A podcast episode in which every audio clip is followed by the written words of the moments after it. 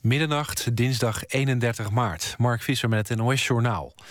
ABN AMRO heeft onvoldoende inzicht in de nevenfuncties... en privébelangen van haar eigen commissarissen. Dat staat in een geheime brief van de Nederlandse bank... die het Financiële Dagblad in handen heeft. Ook is de regeling om handel met voorkennis... bij de bestuurders van ABN AMRO te voorkomen niet op orde. De DNB stuurde de brief vorige maand aan bestuursvoorzitter Gerrit Salm. Afgelopen vrijdag zou een besluit worden genomen over de verkoop van de staatsbank... maar het kabinet zag daar op het allerlaatste moment van af. Aanleiding was de commotie over een flinke salarisverhoging... voor de top van de staatsbank. Zondag maakte ABN AMRO bekend dat het bestuur alsnog van de salarisverhoging afziet. De vakbonden willen dat KPN-bestuursvoorzitter Blok afziet van zijn bonus... en meer investeert in het bedrijf en in CAO-afspraken. FNV, CNV, de Unie, Kliks en VHP dreigen de komende CAO-onderhandelingen op scherp te zetten. De bonden vinden de beloning van Blok ongepast. Binnen een jaar is zijn beloning met 50% gestegen naar 2 miljoen euro... terwijl er flink wordt bezuinigd op personeel. Saoedische gevechtsvliegtuigen hebben opnieuw aanvallen uitgevoerd... op de jemenitische hoofdstad Sanaa.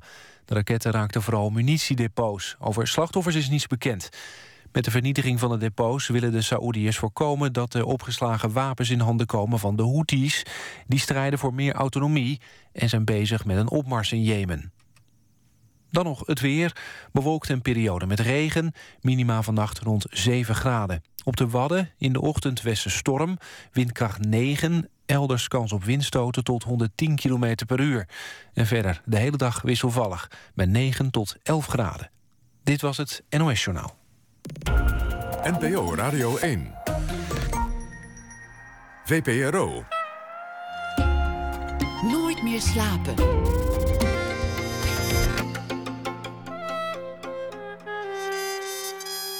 Met Pieter van der Wielen.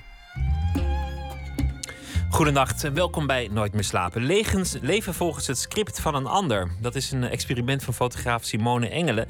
Zij laat elke dag haar leven van minuut tot minuut bepalen door een beroemde scriptschrijver. Ronald Giphart bijvoorbeeld of Barry Atsma.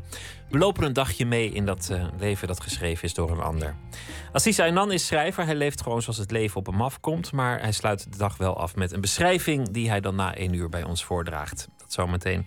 Maar we beginnen met Olga Zuiderhoek. The Sunshine Boys is de titel van een voorstelling. Vanaf donderdag uh, te zien in Amsterdam. Samen met André van Duin en Kees Hulst en anderen. Over twee grootheden uit de revue van wel eer die nog één keer samen gaan repeteren. Olga Zuiderhoek speelt een relatief kleine rol, maar wel een belangrijke rol. Olga Zuiderhoek werd in 1946 geboren in Assen. Haar eerste stap op het toneel deed zij in de jaren 70 bij het uh, wereldberuchte, beroemde werktheater. Ze speelde talloze films. Te film op te noemen: Turks Fruit, Abel, Tiramisu, Minous, Rigor Mortis, De Noorderlingen, Suskind. Kreeg ze ook een gouden kalf voor. Toneel maakte ze ook samen met Ischa Meijer, Wim T. Schippers en Paul Hane. Op televisie was ze onder meer te zien in We zijn weer thuis, Penose, Keizer en de Boer en zelfs nog eh, een enkele keer in een reclame voor de Belastingdienst. Welkom, Olga. Welkom. Ik bedoel, dankjewel, welkom, ja.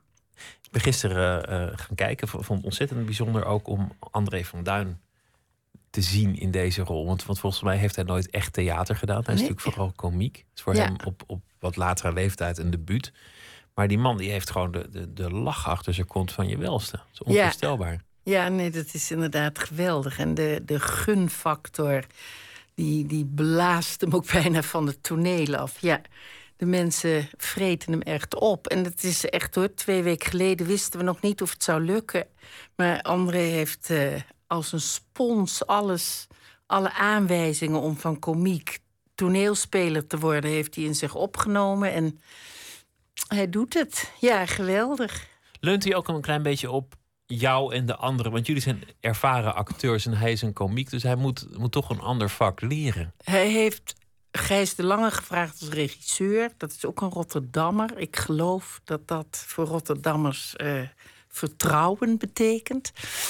En uh, dus die zitten uh, met veel gein de boel pittig aan te pakken. En hij heeft zelf Kees Hulst en mij gevraagd. Dus daar heeft hij, omdat hij ons geloof ik vooral in Wuivend Graan had gezien. En later heeft hij mij ook nog in een stuk van Robert Albeding Tijm gezien. En dus hij vond het wel belangrijk dat wij erbij waren, omdat hij ons dus vertrouwt dat wat wij met toneel doen, dat dat niet al te raar en beroerd is. Zijn timing is natuurlijk eh, is fantastisch. Die man die kan, de, kan de zaal uit zijn hand laten eten. Als, Ja. als, als er gelachen moet worden, wordt er gelachen. Elke grap wordt perfect eh, neergelegd. En er is iets met André van Duin dat zo- zodra je die man ziet, dan, dan krijg je al een enorme aandrang om te lachen. Ja. Heel merkwaardig. Sommige mensen hebben Terwijl dat. hij dus hier eh, eh, geen malle kop mag trekken en geen stemmetje op mag zetten. En daar heeft Gijs dus echt op gehamerd dat hij niet de, de, op de lach mag spelen, maar moet spelen en het vertrouwen moet hebben dat Neil Simon, de toneelschrijver, zorgt dat er dan daar waar het de bedoeling is, wordt gelachen. En dat, nou ja, gisteren was de eerste try-out en jij was er. En dat, dat lukte dus gewoon again and again. Dus eh, we zijn ontzettend blij dat eh missie is eh, geslaagd. En de Ja. première die kan, die kan komen. Jij zit als, Ja. een, als een zuster aan, aan het bed. En eigenlijk speel jij een, een type. En dat is volgens mij een, een type dat jou wel ligt. Iemand die, eh, ja, die, die, zijn, die de eigen tragiek overwonnen heeft. Oh ja, oh, wat speel ik dat allemaal? Wat heerlijk, ja. Eh, ja, ik ben me daar zelf helemaal niet van bewust. Ik zit echt heel braaf iets te bedenken om in een piepkleine scène het, het toch een kleur, nou ja, dat klinkt wat zweverig, maar een kleur te geven dat mensen even denken: oh ja, er was ook nog een scène met een verpleegster aan zijn bed. Maar eh, dat, dat zou best zijn dat mensen dat vaker van me hebben gezien. Bedoel je dat eigenlijk? Ja, het zijn vaak, Ja. vaak mensen. Het is niet, niet de André van Duin humor met, met de scheve bek en, en, en een accent. Maar vaak een heel ingetogen humor. Waarbij je voelt dat er, dat er heel veel drama in iemand zit. En daar zit hem vaak Oh ja. de, de, de grappigheid. We hebben een compilatie van een aantal dingen die je hebt gedaan. Als we een compilatie zouden maken van alles wat je door de jaren hebt gedaan, dan zaten we hier eh, morgen om half acht nog steeds. Dus we, we hebben Ja. het eh, moeten beperken, maar we gaan luisteren. Waar ik bang voor ben. Ik ben bang voor de kanker in mijn borst. Ik krijg heel veel altijd van Ramses. Oh. Die ken ik ook. Er komt heel veel over Ramses, over huis bij Ramses. Ik praat niet meer met jou. Gelukkig zijn er andere mensen die wel begaan zijn met het lot van uw dochter. Je doelt zeker op mijn schoonzoon. Ons gesprek is afgelopen. Is het ooit een besluit geweest om, om acteur te worden? Ja, Eh, nou en of. Nou, eh, ik wilde het al op mijn vijfde. Dat, eh, dat leek me enig. Om, eh, eh, om ook naar Amsterdam te gaan en zo. Ik was geboren in Assen en eh, ik wist al heel snel dat ik daar weg wilde. En eh, naar een stad waar alles mocht en niks raar was. Maar ik durfde het niet te zeggen, omdat ik wel eh, bang was dat. Want ik hoorde maar als, je, altijd. als je vijf bent, is er toch nog niks raar? Dan, dan mag Nee. toch nog wel alles wat je doet als je vijf bent. Wat, wat mag je dan niet dat, als je vijf bent? dan voel je toch al hele. Nou, eh, wij hadden bijvoorbeeld thuis geen vader. Dus dat, dat is, in die tijd was dat al in een, in een klein stadje dat je anders was. En dat wil je niet als kind. En we hadden een lelijke eend. En ik wilde een gewone het fort of zo, wat op een auto leek. Als kind wil je niet opvallen. Het was 1951 in, in Assen. In Assen, en, ja. en, en, en je vader was vertrokken. Nou, mijn moeder had dat Je moeder had- besloten meer. had dus er was ook niks zieligs aan of zo, nee. Maar dat, daar hing toch wel een beetje een, een, eh, een vlekje omheen. Een alleenstaande moeder. Ja, een gesche- gescheiden was in Assen heel eh, abnormaal nog. Op meer plekken, denk ik, in de jaren Ja, 50. dat zou best kunnen, ja. En waar merkte je dat aan? Op een gegeven moment, maar dat heb ik wel eens in een interview... eh, is dat alles opgeschreven. Maar goed dat er iemand op het eh, school, schoolplein... tijdens het stoutjespringen ineens in mijn oor fluisterde... jouw ouders zijn gescheiden, jouw ouders zijn gescheiden. En ik wist niet wat gescheiden was. Dus ik ben naar mijn moeder gegaan en ik zei... mama, Irene zegt steeds dat jouw ouders zijn gescheiden. En mijn vader was in Indonesië, of Indië heette dat nog, want die eh, was leproloog, dus die eh, zat achter de lepra aan. En toen zei mijn moeder: Ach god, ik wilde je, je vertellen als je zeven was. Dus ze had daar nog een jaartje mee willen wachten. En ik zat er natuurlijk helemaal niet mee, want het was voor mij normaal dat, eh, dat papa was over zee. En ik wist ja, of ze nou wel of niet gescheiden waren. Dat maakt je toch ook verder niet uit als kind. Maar je had wel, je had wel meteen een, een hekel aan dat assen. Ja. Ja. En waarom dacht je dan het toneel is, is de weg uit Assen? Want, want er zijn zoveel wegen. Ja, precies. Want mijn zusjes zijn in Amsterdam geboren. Dus ik, ik, kon- ik kon voor alles eh, sowieso eh, naar een grotere stad gaan. Bovendien Assen. Ik heb het daar ook heel leuk gehad hoor. Dus ik bedoelde niks. eh, niet dat nu Assen op de sociale media iets gaat zeggen of zo. Ik heb daar een Ja, hele nou gaat leuke jeugd iets- gehad. Hebben ze al sociale media in Assen? Ja, trouwens? zeker. Ja, nee hoor. Het Nee, dit is een grapje. Nu ja, socia- nee. nu en nu ga ik het verdedigen. Ja. zo. Nee, daar hebben ze alles wel. En de TT bovendien. En dat hebben ze nergens anders. Maar eh, ik wilde gewoon naar, naar, eh, naar een grote stad. En dat, dat heb ik ook nog steeds. Ik ben echt een, eh, een stadsmens. Maar ehm, wat ging ik nou beantwoorden? Oh, dat waarom ik, het toneel? Want, want oh ja.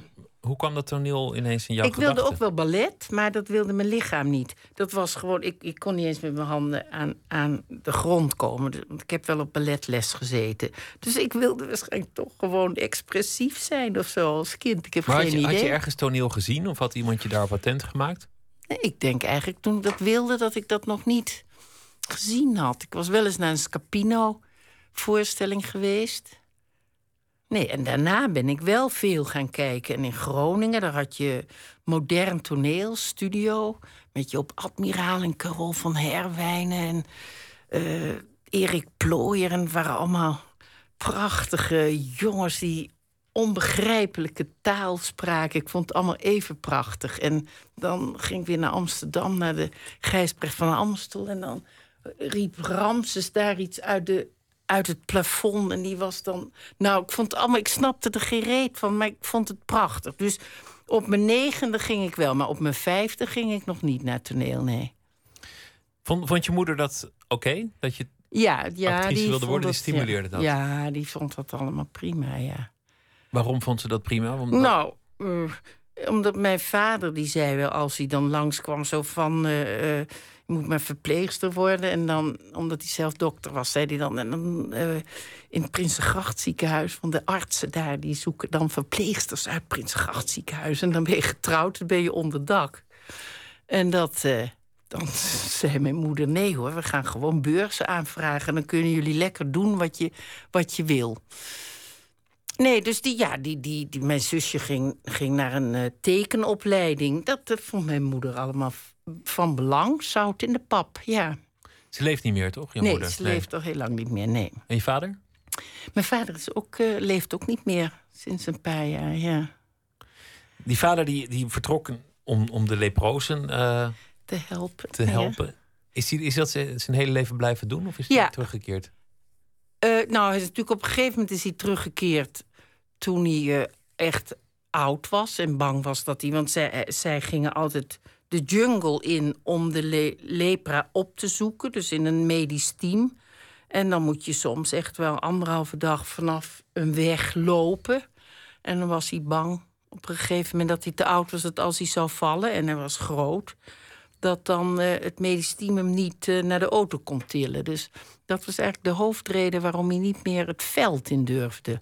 Maar hij was nog wel hier op de Leidse Universiteit allerlei dingen aan het opschrijven voor de World Health Organization, waar ze dan wat aan hadden wat hij eh, allemaal ontdekt had. Want in de tijd dat hij leproloog was, werden er medicijnen voor gevonden. Dus, dus dat is wel een hele leuke Afsluiting van je carrière of een leuk moment als, als het je werk Voor is. hem, ja, zeker. Ja. zeker. Wat, wat voor omgeving was het a- als je dat zou moeten omschrijven? Wat voor gezin? Nou, dus drie eh, zusjes en een moeder. En een moeder die, eh, die bleef in Assen. Eh, Want door de oorlog waren mijn zusjes naar, naar Friesland gegaan in de, oorlog, in de hongerwinter. En toen is mijn moeder in het noorden blijven hangen, omdat ze dat een betere. ja, eh, zij moest als vrouw alleen dus aan de slag. En dat vond ze een betere springplank dan Amsterdam. Ze zei altijd: als we naar Amsterdam gaan, dan kom ik niet verder dan chefin van de Gerson. En ik wil wel mijn eigen bedrijfje hebben. Ze stemde ook op de VVD bijvoorbeeld. En we hadden altijd zo'n groot ding van professor Oud op de, op de dinges. Dat is ook wel een trotse vrouw, een daadkrachtige Jazeker. vrouw. Ja, Ja, niet, zeker. Niet, niet, een, niet een zielige vrouw, allerminst. Want als ze kreeg zo- wel eens geld aangeboden. En dan zei ze: Nee, nee, nee, dat nemen we niet aan. Maar dan gaan ze zich ermee bemoeien. eh, van: Zeg, heb jij nieuwe schoenen gekocht? Heb je dat voor mijn geld gedaan? Nee, ze, dat wou ze dus allemaal niet. Nee. En toen kwam je terecht in, eh, in Amsterdam in eh, de jaren 60, eind jaren 60 moet dat zijn geweest. En zo rond 1974 zal het zijn geweest, kwam je bij het Werktheater Ja. terecht. Dat is legendarisch theater geworden, maar het is ook een bepaalde sfeer. Ik bedoel, volgens mij als je alle clichés van de jaren 70 op één genootschap wil projecteren, neem dan maar het Werktheater. Ja. Hoe kijk je daarop terug? Ja, daar ben ik hartstikke blij mee. Dat, eh, daar heb ik gewoon eh, geleerd eh, hoe toneelspelen. Hoe, dat, hoe het moet, gewoon, omdat je erop gegooid werd. Nou, we hadden niet eens een bühne, maar gewoon dat ze je de vloer opgooiden. Dat speel jij vanavond. En dan met publiek meteen uitproberen. Daardoor leer je, eh, heb ik geleerd wat, dat er structuur in een stuk moet zitten. Dat je dat moet opzoeken als je een vast stuk, wat al geschreven is, eh, speelt. En ik heb heel veel stukken van Nederlandse schrijvers. Die nog nooit stukken die nog nooit opgevoerd waren. Dus dat je de structuur zoekt en dat samen doet met een regisseur. En dat gewoon op de voet kan volgen en zo. Dat, is, dat vinden ook wel eens mensen regisseurs irritant, denk ik. Maar heel veel in Nederland vinden dat ook leuk. Maar je wilde vooral acteur worden omdat je dacht: acteur, dat is Amsterdam. En Amster- Amsterdam, dat is niet Assen. En, en Assen, dat is, eh, daar voel ik me niet thuis. Dus ik eh, laat dan maar acteur worden. Heeft het je dat gebracht? Want je bent het altijd blijven doen. Of heb je onderweg Ja. ook nog wel getwijfeld van... hmm, ga ik dit nog vijf jaar doen? Oh ja, nee, dat heb, ik, dat heb ik nooit. Maar ik denk wel heel vaak, naarmate je ouder wordt, namelijk, eh, moet je meer tijd nemen om teksten te leren. En naarmate je daar meer tijd voor moet nemen, dat gaat gepaard met meer zenuwen. Dat je denkt, godverdorie, daar heb ik nou gewoon veel meer tijd voor nodig dan vroeger. Dus je wordt er zenuwachtiger van. Dus ik heb wel heel vaak gedacht, als ik het nog een keer over mag doen, weet ik niet zeker of ik toneel wil gaan doen. Ik denk heel vaak, als ik nou gewoon eh, op postkantoor werk en dan achter zo'n loket, dan kom ik toch in aanraking met mensen. En dan, eh, nou ja, dat wil ik natuurlijk niet. Maar het is. Het, is, eh, Het wordt zwaarder, toch? ja, ik vind dat het zwaarder wordt, ja. Maar heb je, heb je zenuwen voor, voor zo'n voorstelling? Nou, als ik de hoofdrol heb, en dat heb ik vaak met die eh, ges- nieuwe geschreven stukken. Dan, dan eh, heb ik veel meer zenuwen nu. Dan sta ik echt vlak voor het opgaan. Dan denk ik, hè? Staan die 120 bladzijden, zitten die in mijn kop? En moet ik dat er, als ik het er niet uit laat rollen, dan is dat stuk helemaal niks. Dus ik moet het eruit laten rollen. En dan, dan krijg ik wel paniek soms hoor, ja. En met de jaren wordt het moeilijker, want het wordt misschien wat krakeriger. Ja, Het, eh, wordt strammer, net zoals je rug en je, en je botten, alles, ja. En wat is de beloning? Waarom, waarom is het toch een mooi beroep gebleken? Eh, ja, dat het, eh, het is ontzettend leuk dat je het met elkaar doet. Omdat je s'morgens eh een reden hebt om op te staan. Dat geldt voor ieder beroep uiteindelijk. Ja, het, dat- het- het betaalt ja. de huur en je hebt de reden om uit je Ja. bed te komen. En als het even... En het houdt je van, van te veel eten af en zo. En al die, dat soort verslavingen. Anders zou je de hele dag bonbons eten Ja. en, de borreltijd om drie uur. En Ja. eh, dan, dan zou het Ja, denk ik wel, in ledigheid verzanden. Ja, ja Dan- want dan ik, moet je ik dus kan niet laatste- schilderen of schrijven. Iets in mijn eentje, dat kan ik dus al niet. Dat bewonder ik ook verschrikkelijk mensen die opstaan voor de discipline die zij gekozen hebben. Omdat ze daar het talent voor hebben. Dat, eh, dat, dat vind ik wel heel erg bijzonder. En dat bewonder ik echt, ja. We gaan luisteren naar de Belgische zangeres Cela Sou. Want eh, iedereen wachtte heel lang. Ze had een soort droomdebuut. En toen kwam het eh, tweede album na een hele tijd. Dat is dan zo'n beetje nu. En eh, daarvoor gaan we een nummer draaien. Always Home.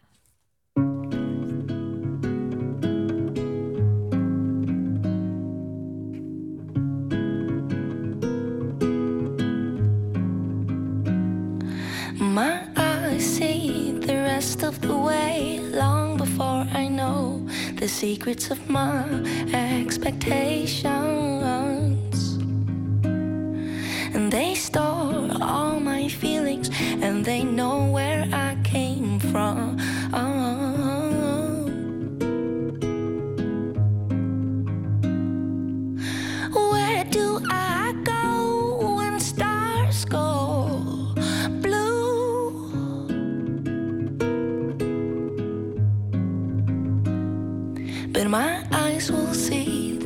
rest of the way long before I know these secrets of mine. Oh. This broken mind,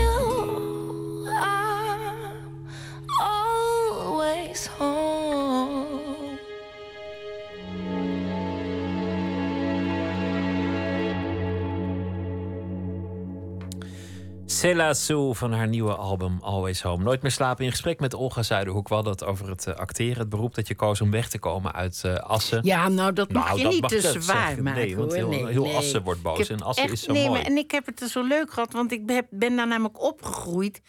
In tegenstelling tot menig Amsterdams kind of, of stadskind überhaupt. In een losstaand huis met een tuin eromheen... met een perenboom en appelbomen en kruisbessen. Dus ik heb echt eh, helemaal niet te klagen. Je zei net, als ik een schrijver was geweest, dan, dan, ja, dan zou eigenlijk er geen reden zijn om uit bed te komen, allereerst. Eh, daarnaast zou ik dan alleen zitten en dan zou ik misschien wel de hele dag naar de koelkast lopen om, om eh, koekjes te pakken. En dan eh, toen zei ik, nou dan begint de borreltijd om drie uur. Toen, toen knikte hij een beetje bescheiden. Ben jij heel gedisciplineerd? Of heb je, heb je mensen om je heen nodig om jou een beetje in toom te houden? Ja, dat denk ik wel. Dat ik dat toch. Ja, ik ben zelf ook wel gedisciplineerd. Maar om, om te werken heb ik een groepje nodig. Die zegt, nu moet je er zijn. En om te leven thuis? Je bent Ja. sinds een paar jaar alleen. Is, is, valt dat je zwaar? Ja, nou, dat, dat, ik denk wel heel vaak van... God, wat zou dat nou toch leuk zijn als hij... eh, als Willem ineens binnenkwam en gewoon riep... hier is hij weer, dat zou ik wel enig vinden, maar dat gebeurt dus niet. Maar dan denk ik nog wel heel vaak. Want Willem, Maar- Willem Breuker, je man, jullie zijn 30 jaar samen geweest. Bijna, hè, ja. Ja, jazzlegende, de legendarisch muzikus. Overleden, eh, nou ja, vijf jaar geleden inmiddels Ja. alweer. Je, je, er is een documentaire gemaakt dat je je nieuwe huis betrekt. Ja, Een mooi huis, een huis met een uitzicht. Er zat er eigenlijk in die, in die film ook wel veel optimisme. Het was niet iemand die heel verdrietig de herinneringen achterliet. Het was ook iemand die met optimisme een nieuw huis introk en een, Ja. een nieuw leven tegemoet ging. ja. Maar dat gaat heel erg samen. En Loes Luca, die ook weduwe is, en ik gaan ook een voorstelling maken, Loes die Gewietwe. Omdat we, ja, dat moet toch daar vooral ook over gaan. Hoe je, hoe je eh, prettig en gelukkig leeft en dat plaats moet maken voor schrik en verdriet. Maar dat je dan toch nog wel ook, ook lacht en alles. Maar eh, het, het is, alles is veranderd. Dus je hebt een palet en dat is, dat is een hout met alle stukje hout met stukjes verf erop. En dan ga je met je penseel en dan voel je dat hout eronder. En nu zijn er een paar kleurtjes. Dat is dat hout rubber geworden of zo. En dan dingetje en dan. eh, dat zijn dan van die rotte plekjes of zo. Die, en ik denk ook niet dat dat hout daar dan weer onder komt. Dus het verandert wel echt. Maar 30 jaar is ook zo lang. Ik bedoel, dat, dat zit, die man zit in, Ja. je, in je DNA, in al je patronen, in elke gewoonte natuurlijk. Ja. Bij Loes Luca is, is haar man, als ik me goed herinner, heel plotseling Ja. overleden. Echt gewoon pas, Ja. boom, kledder. Niemand had het zien aankomen. Ineens was die weg. Ja, dus dat zijn echt twee verschillende verhalen. Verschillende verhalen. Je hebt nog voor Willem gezorgd. Ja. ja. Jullie hebben samen nog je zorgen gemaakt over allerlei condities. Uiteindelijk is die niet doodgegaan aan datgene waar jullie je zo lang aanvankelijk Die- zorgen over maakten. Ja, die nieuwe lever die hij kreeg, dat is allemaal helemaal goed gegaan. Toen, eh, toen, toen hij daar dus, eh, nou, de, dat die lever, die nieuwe lever er als een pareltje bij lag, toen bleek hij ineens ooit asbest ingeademd te hebben. En als je daar één vezeltje van in je longen krijgt, dan kan dat dus tot, eh, na een aantal jaren, kan dat dus tot een, een, een asbestkanker groeien. En dan, Gewoon ergens langs gefietst waar toevallig iemand zijn dak aan het repareren was of zo. En, ja, dat weet je nooit. Of op tournee Dat in het kan. Oostblok. We- weet jij het? Hij heeft ook zijn, het, het, het huis in de Oosterparkstraat heeft hij met een vriend heeft hij dat opgeknapt. En daar is ook een schoorsteenmantel uitgehaald. En daar kan ook een buis van asbest in gezeten hebben. Maar dat kan allemaal niet bewezen worden. Maar daar zit de asbestclub, die heeft hem echt nog geïnterviewd daarover voordat hij doodging. Omdat ze dat, ze willen de staat dus zo ver krijgen dat ze dat allemaal, eh, nou ja, beter gaan maken. En, en duidelijk maken dat, dat, eh, dat daar mensen aan doodgaan aan dat asbest. Want het wordt niet zo serieus genomen. Jij had toen een zoutarm kookboek geschreven, omdat Ja. hij vanwege die nieuwe lever onder meer eh, zoutarm moest, moest eten. Ja, Jullie hebben dat samen heel fanatiek opgepakt en, en, en heel goed. En eigenlijk het ene noodlot was je aan het bevechten en, en vlam, Ja. daar kwam het andere noodlot alweer. ja, ja. Zo lullig is het. Ja, dat komt zo nooit als een eenzame bus, heet het niet zo? Dat is dat mooie zinnetje. Rampen komen nooit als eenzame. Nou ja, het komt nooit in zijn eentje. Of haar eentje. Soms wel en soms niet. Maar dat, zo heeft iedereen zijn verhaal. Maar eh, Dit, dit ja, is, dit eh, was hartstikke jammer. Dat hij eh, een tweede kans kreeg en dat dan die asbest ineens. Ja, maar dat is een, iets wat eraan zit te komen hoor. Dat, ehm, dat, veel, ja, jij bent asbest? jonger, maar, maar wij hebben dat vele. Ja, dat, dat, dat- vroeger, vroeger werd dat veel meer gebruikt natuurlijk. Ja, dat, ja, dat veel meer gebruikt. En als je dan dat een Maar- beetje, ja. Maar goed, ik ga Maar het, het, geval van, maken. het geval van Loes, Loes Luca, die, dan is het ineens een, een klap en de, en de Ja. man is weg. Jullie hebben ja, het samen afgerond. Je, je hebt voor hem gezorgd. Be- bestaat dat eigenlijk, dat je, dat je het afrondt, dat je afscheid neemt? Kan dat wel? Of is er toch te veel stress voor ja, op zo'n ik denk moment? dat dat heel verschillend is. Dat eh, Willem praatte al nooit veel. Dus om nou over de dood te praten, dat was nou niet zo, zo heel erg. Maar we wisten dat allemaal. En, en het gekke was dat Loes is... eh, eigenlijk, want Willem kon niet meer praten... omdat hij, eh, weet ik veel, zijn slijmdingen deden niet meer en zo. Maar Loes eh, kwam altijd erbij zitten breien en gewoon... en dan hoefde er niks. En, en die maakte hem dan toch altijd het lachen en zo. En dat was ook, daarom gaan we ook dat programma maken. Het was alsof Loes wilde meemaken hoe het was om iemand... want eh, die, voelde zich, die was echt dol op Willem. En omgekeerd, hoe het was om iemand te zien doodgaan. En, en hoe je dat dan deed. Omdat Ja, dat- zelf zo, zo bruut beroofd was de van, shock. Ja, van haar liefde. Ja. Dat is totaal wat anders, ja. Nou, of je nou afscheid neemt... Ik dacht wel op een gegeven moment... God, wat heerlijk voor hem dat hij, dat hij nu eh, uit zijn lijden verlost is. Maar het, het is toch... ehm, want heel veel mensen zeggen... als je wordt verlaten, dan krijg je een trap tegen je ego. En dat, dat, dan denk je van, was die maar dood. Maar tegen de dood is toch niks op, opgewassen? Want als iemand weggaat, kan je nog weer... eh, ja, je weer oppakken en denken over, eh, over zeven jaar doe ik sliep uit. Nou ben ik gelukkiger dan jij, of weet ik veel wat. Of de kinderen zijn dood. Wat ook. Maar de dood is gewoon. Het is echt het enige wat wij hebben hier op aarde. Dat, dat realiseer je dan toch wel heel erg. En Loes en ik zijn allebei. Hoe bedoel je het we- enige wat, wat wij hier hebben op aarde? nou, de dood. Dat, de- het leven en daarna is de dood. Ja, ja, je ik bedoelt, denk dan blijft dat er ook daarna- niks nee, van over. Nee. Nee, er blijft echt niks van over. Maar kan je ook boos om worden? Zoals je boos zou kunnen worden op, op Ja. de, de nieuwe minnares... kan je ook misschien boos worden op, op de dood? Of is ja, dat, dat, is dat, dat is mij niet. Ja, dat had ik helemaal niet, nee. Nee, maar dat hoorde ik ook wel van. Want in dat jaar gingen heel veel mensen dood in mijn omgeving. En sommige mensen waren wel boos, maar dat, dat, nee, dat heb ik nooit gehad. Het lijkt me zo leuk die, die, die jaren dat jullie samen waren... omdat jullie allebei optraden. Ja. En veel. Want jij, jij trad ook toen al enorm veel op. En, en theater en film, altijd laat thuis. En hij was natuurlijk ook altijd aan het werken. En altijd, In het buitenland met het eh, buitenland, maar- collectief, ja. als het dan in Nederland was... Ja, hoe, was het? Was het vooral s'avonds laat na een optreden? Of was het juist 's ochtends wakker worden van... hé, hey, hoe was jouw gig gisteren? Nee, er was altijd eh eh, s s'avonds. Als, we, als hij terugkwam, dan, dan wachten we altijd op elkaar. En dan, als we dan een paar dagen hadden dat hij, dat, dat hij in, in, eh, in Nederland was en de tijd had om thuis te eten en ik ook, dan gingen we altijd. Dat is toch wel een leuk cirkeltje. Als hij weg was, nam ik altijd heel veel op op de video. We hadden nog niet die kastjes. Werd. En dan nam ik altijd André van Duin op. Omdat André was... eh, dat, dat was sowieso iets bij Willem en mij. Dat we hielden van, van in de kunst moest voortgaan. Dus je moest ook durven ontregelen en jennen. En we hielden allebei van André van Duin. En, en vooral die dingen die hij op de televisie deed, als wijdbeens en weet ik veel wat allemaal. En dan, dan, die, dat werd gewoon opgezet, want dat was voor ons dat gezelligste eten. En dan. En ook maar zien of de gasten die die dus eh, erbij betrok, of die leuk waren of, of niet leuk waren. Dat, dat was ja.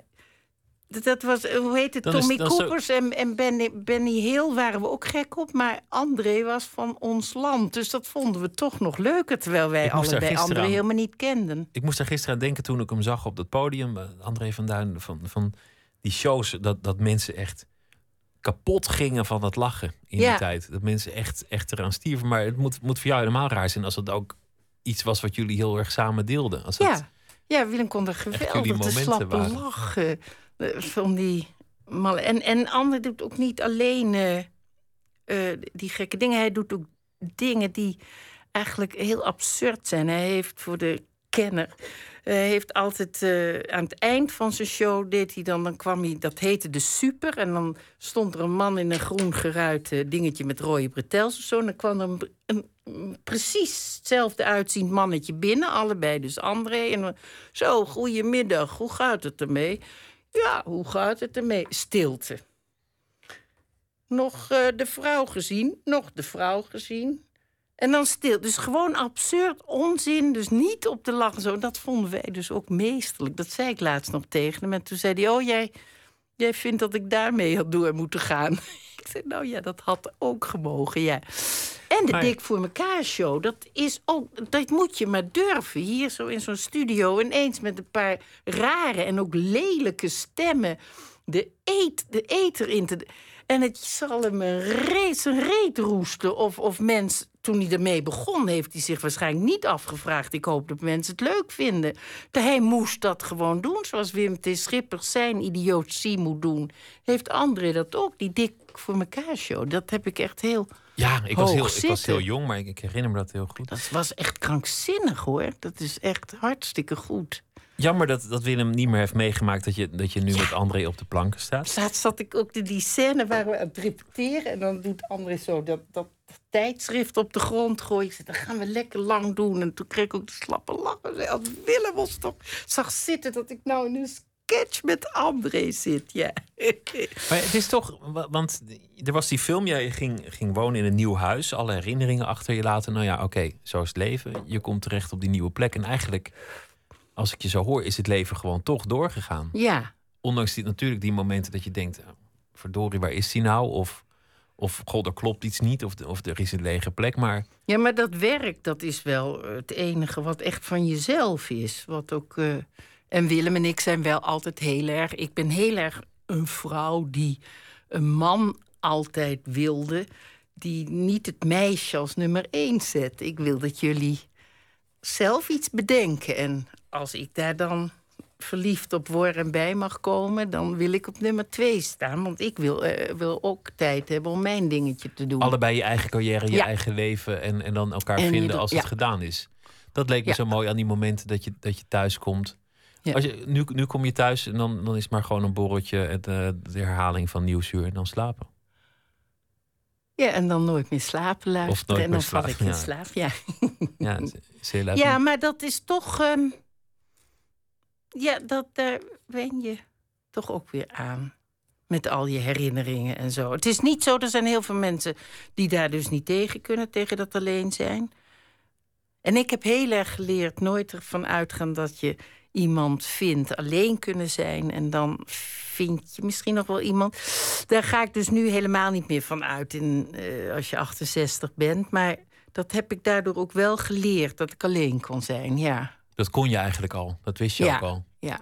Het was niet de schrik van, oh, ver- verdomme, hoe moet ik dat Nee. eigenlijk alleen doen? Nee, ik, ik vind het gewoon hartstikke jammer voor Willem dat hij er niet meer is. En, en dat ik het minder leuk heb, dat ik minder... eh, We hebben zo vreselijk veel gelachen en zo. Maar goed, nu zit ik weer in die opera van Misha Mengelberg. En dat is dan met het Instant Composers Pool. En dat is toch, nou ja, dat, dat is toch ooit door Misha en Willem en Han Benning opgericht. Dus dan voel ik me toch wel weer een beetje one of the guys. En daar geniet ik dan toch ook weer van. Dan heb ik dan toch ook weer aan Willem te danken, denk ik dan maar.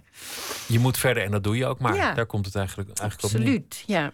Zullen we gaan luisteren naar Dusty Springfield? Want eh, Oh, die heeft zo'n mooie plaat gemaakt. Dusty in Memphis in 1969. En daar is dan een soort deluxe versie van uitgebracht. En dan krijg je nummers die ze in der tijd niet op de langspeelplaat eh, Oh, ja. kwijt konden. Live Here With You.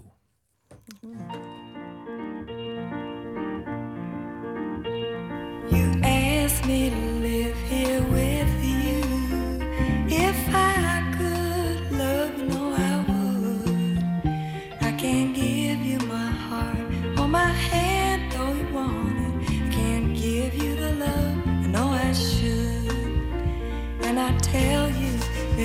nobody else. It's not you. I'm just afraid.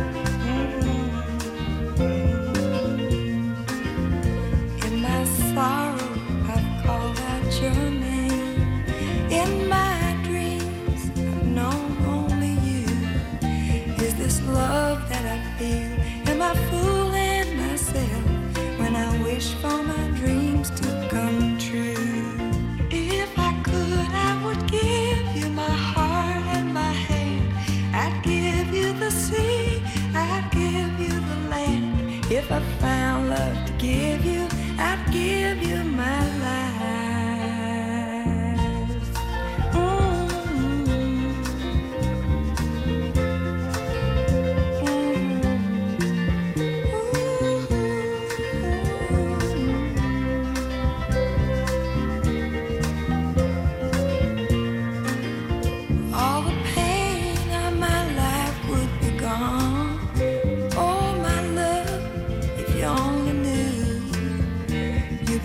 kissing away all the tears of my joy when you asked me to live here with you.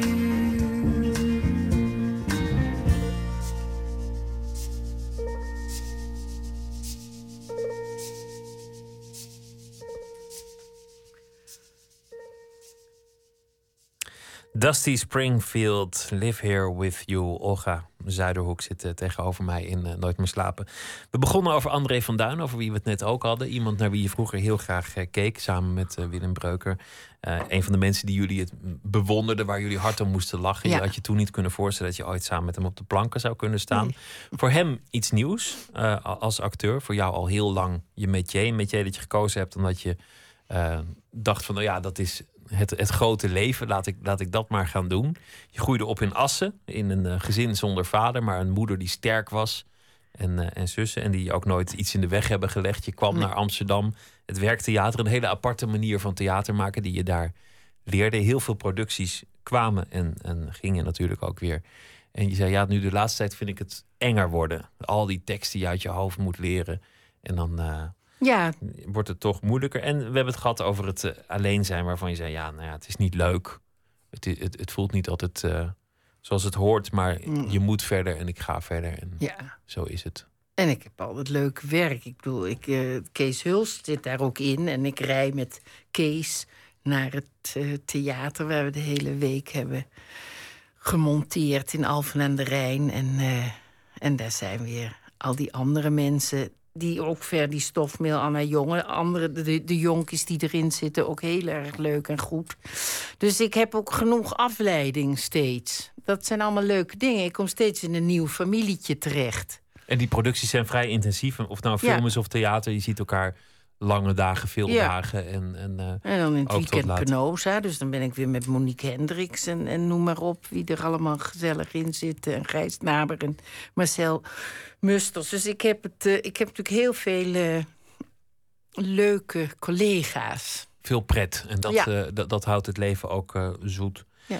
Je hebt in, in het verleden met heel veel ehm, eh, bijzondere mensen gewerkt. En een aantal daarvan die, die, die zijn ook alweer dood. Theo van Gogh natuurlijk, Isra Meijer. Maar, maar vaak ook wel echt krachtige persoonlijkheden Ja. die je om je heen hebt gehad. Ja. Tegenspelers, de, de, de enorme... Ja, van die persoonlijkheden die je gewoon volledig omverblazen. Zo'n Ja. zo'n Isra Meijer lijkt me wel een man die, die, eh, Ja. nou ja, die, vrij krachtig was. Dan moet je, moet je wel stevig in je schoenen staan om daar tegenover te zitten. Ja, ja. Dat vond ik, dat was een ontzettend leuke voorstelling. Die hadden we sa- samen gemaakt. Dat was eigenlijk het hemelbed van Jan de Hartog. En dan deden we eh, een stukje, eh, een, een, een bedrijf, een ballet van Hans van Manen. En dat, dat, was dus een choreografie van Hans. En eh, die deed dat ook voor ons. En een ander bedrijf was een gedicht van Isra dat hij geschreven had toen een vriendin van hem zwanger was en ze hem verliet. En het gedicht ging erover waarom dat was. En zo, dus het was door hem gemaakt, maar heel erg wel eh, dat ik er achterheen zat dat het goed ging worden en zo. En, en met muziek van Willem geloof ik ook hoor. Dus dat is ook altijd wel lekker op toneel. Ja, ik heb toch helemaal niet het gevoel dat ik daar eh, weggeblazen werd door die kleine. Nee, maar op de een of andere manier zocht je dat wel op. Ja, oh, absoluut. Je maar zocht dat wel altijd ik- krachtige mensen op om je heen. want Ja. Dat, dat, dat En die zijn allemaal dood. Ja. Ja. Joop Admira en zijn vriend Jaap Jansen. Ook zo iemand, zo'n uitgesproken persoonlijkheid. Ja, en die is er ook niet. Nou, Adriaan van Dis is er nog gelukkig. En daar ga ik dan ook mee werken. Dat vind ik dus ook ja, dat wel weer heel erg leuk. zou ik noemen, want, want dat is wel leuk om, om je... Het, het nieuwe boek van hem, dat gaan jullie eh, op het toneel brengen. Het, Ja. eh, ik kom terug, waar die ook voor genomineerd is voor de Libris Literatuurprijs. Ja.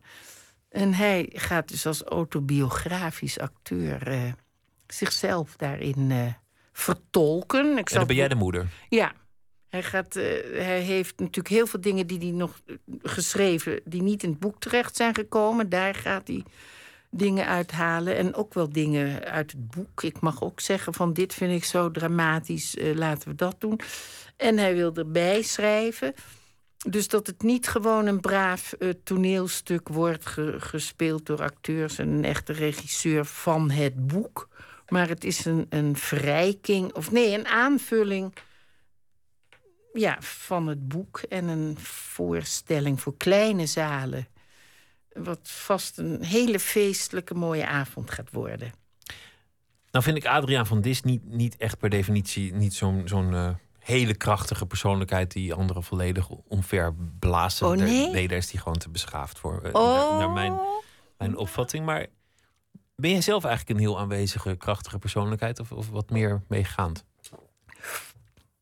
Nou, ik roep steeds van ik hoef niet de baas te zijn, maar dan heb ik al wel, heb ik al wel mijn voorstel weer op tafel gelegd. En eh, de- als het over toneel gaat, in ieder geval. Ja?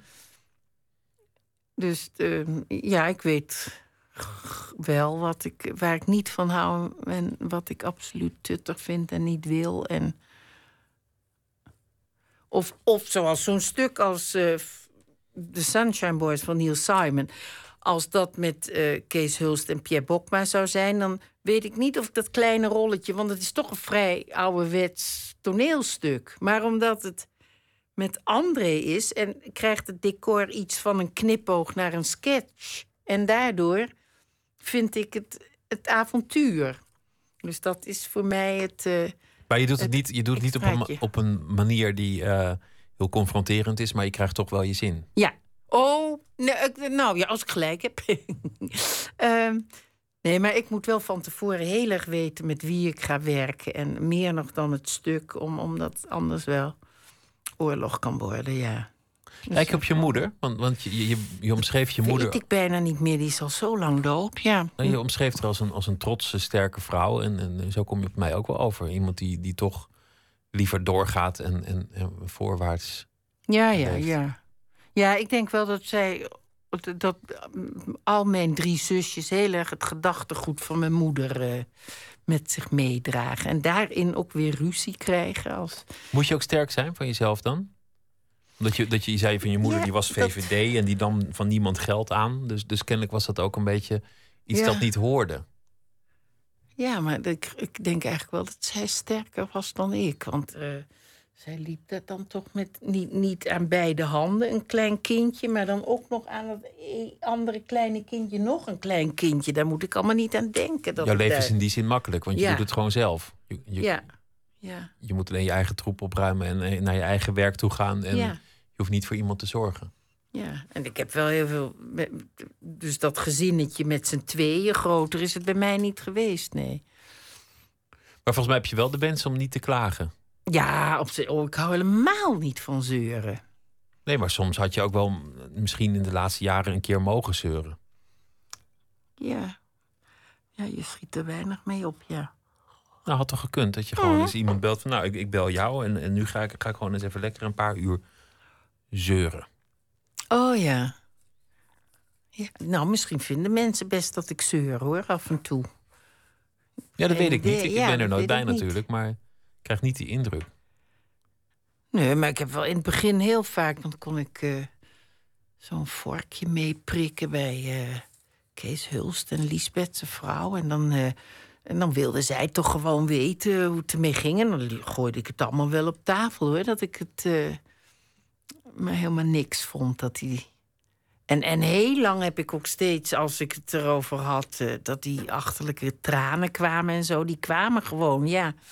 Er is eh, dan ook niks aan te doen, dus... Nee, ja, dan moet je het ook gewoon laten... Ja. Je, je had in, in veel van die, van die rollen die je gespeeld hebt... In, het, het was te veel om alles te kijken... speel je mensen die, die iets achterhouden. Zo'n een, een, eh, een huishoudster die ineens dronken bij een feestje op tafel gaat staan... en iedereen lekker de Oh. waarheid gaat vertellen in uh, tiramisu, was hè, dat. van Paula En- van Oest, ja. En in, in, in deze voorstelling dan speel je een, een verpleegster die, die aan dat bed zit te, zit te mokken. Maar je, je voelt gewoon die vrouw die heeft van alles in zich. ja. Maar die, die gaat dat daar zit ook de humor in vaak. Ja. In datgene wat niet gezegd wordt. Een, een heel subtiel soort humor, volgens mij. Ja, ja, ja, nee, daar hou ik wel van, ja. Dat, dat, En André ja. dus waarschijnlijk ook, want anders had hij Kees en mij niet gevraagd. Want dat, dat, eh, daarin vinden Kees en ik elkaar ook als we samenwerken. En dat je het, eh, dat je het niet op tafel legt. Ja. Welke rollen vind je het leukst? Ehm, dat weet je, dat ik, ik wou dat ik daar een antwoord op kon, kon geven. Dat vind ik zo mooi. Ik vind het namelijk ook enig om, om koningin Wilhelmina in de Soldaat van Oranje... eh, een beetje eh, als, eh, zoals ze sprak in, in, in het nieuws... een beetje zo te spreken en te doen. Dat vind ik ook leuk. Dus, maar goed, die, die, eh, die laat ik ook wel dingen voelen op het toneel. Zo. Ja, ik geloof dat ik heel erg hou van eh, eh, psy- psychologie in de rol, ja. En toch blijft, blijft het ook en dat altijd... zoek ik ook altijd op. Het wordt nooit helemaal een typetje. Je hebt mensen die, die echt zich helemaal tot iemand anders maken, maar dat is bij jou ook weer niet echt het geval. Het ziet er toch een beetje ook uit zoals jij bent. Ja. Het is niet heel erg geacteerd in die zin. Ja, ja, Snap je bedoel? moet het, nee, je moet het doen met wie je bent. Dat is. Dat, en, en ik heb zo'n stem die je altijd herkent, blijkt. Dus dan, ik weet niet, ik heb. Nee, maar deze verpleegster heb ik inderdaad gewoon van. eh, dat heeft Neil Simon ook zo geschreven. Dat ze kan hem de baas. Dus eh, ik hoef er niet moeilijk over te doen. Van, ga, gaat u nou maar slapen, dat is goed voor u en beter voor mij. Dus gewoon eh, ja, zo'n boerenvrouw die, die dat doet omdat ze dat in de kerk geleerd heeft. En met de permanent in haar haar. Dus dat is een beetje mijn keuze. Maar ik vind natuurlijk in, in, in de langere stukken... en dan krijg je zo'n Nederlands stuk wat nog nooit gespeeld is... dan, dan zoek ik wel heel erg op eh, wat ik daarin kan bluffen qua liefdesverdriet, hartzeer, eh, gemis van. Dat het net lijkt of het een hele interessante rol is, ja. Er toch, ja, van, van elke rol toch iets, iets groters maken, een Ja. laag erin aanboren. Je, ehm, je zei net terloops iets, vond ik trouw- trouwens ook wel grappig. Je, je zei, ik denk niet dat er nog een liefde komt. Je zei, ik kon al alleen zijn. Ik dacht altijd al, je bent alleen en misschien komt er een liefde. En die kwam dan en die is dan 30 jaar gebleven.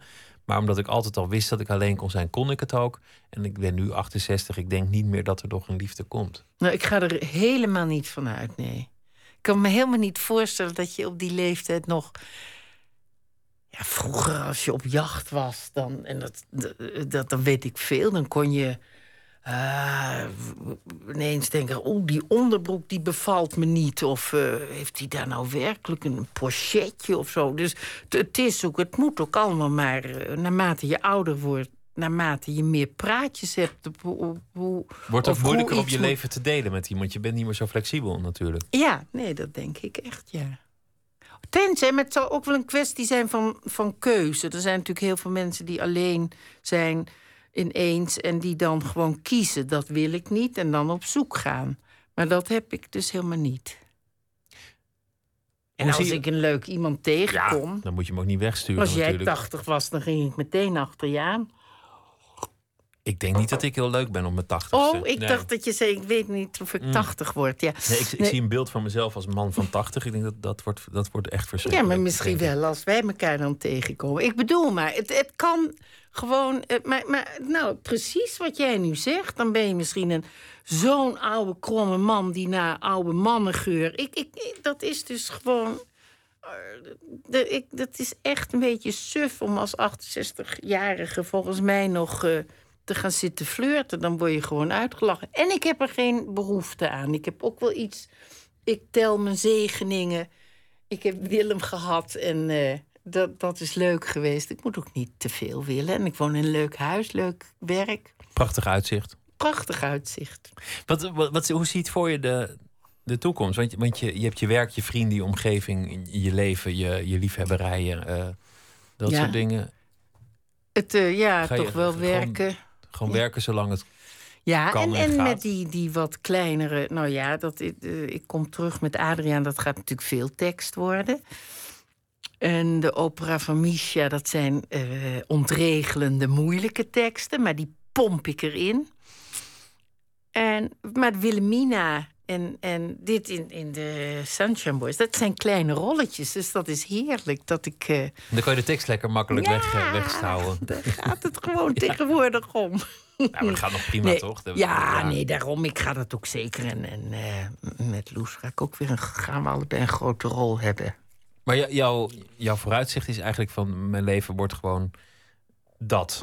Ja, dat vind ik toch wel, Tot, ja. Gewoon zolang het kan, zolang het Ja. gegeven is... wil ik, wil ik exact dat ja, en ook doen. wel die kleine dingen zelf blijven doen. Naast, want het toneel dat is zo aan het veranderen. Dat eh, ik wil die kleine dingen erbij blijven doen voor dat kleine publiek. Dat niet eh, naar al die, die grote eh, dingen wil gaan. En daar blijft toch een klein publiekje wat naar Adriaan van Dis en mij wil komen. En naar M- Misha Mengelberg. Hoewel dat is, is al uitverkocht. Terwijl het nog niet eens voordat het in de folder stond van het Holland Festival. Zo zie je maar. Dus Dus, de- dus je gaat met eh, Adriaan van Dis ehm, die voorstelling doen. eh, ik kom eind terug van dit jaar, ja. eind van het jaar. En je gaat tijdens het Holland Festival Koeien doen. Een, Ja. een opera Misha met eh, de muziek dus- van Mengelberg, Sherry Duins, eh, Jansen en het Ja. ICP-orkest. En vanaf donderdag eh, ben je te zien samen met André van Duin in Ja. de Sunshine Boys.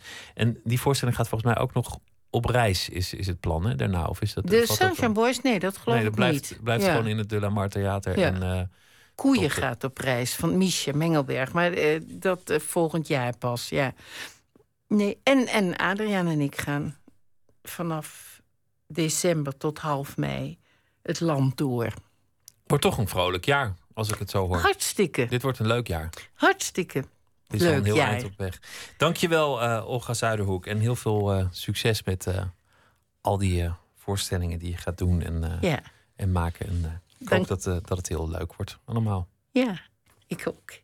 Dankjewel. We gaan luisteren naar Alison Moore. Dat was de ex-vrouw van Steve Earle. En zij zingt eh, over liefdesverdriet, want het eh, huwelijk is gestrand. En het nummer heet Down to Believing.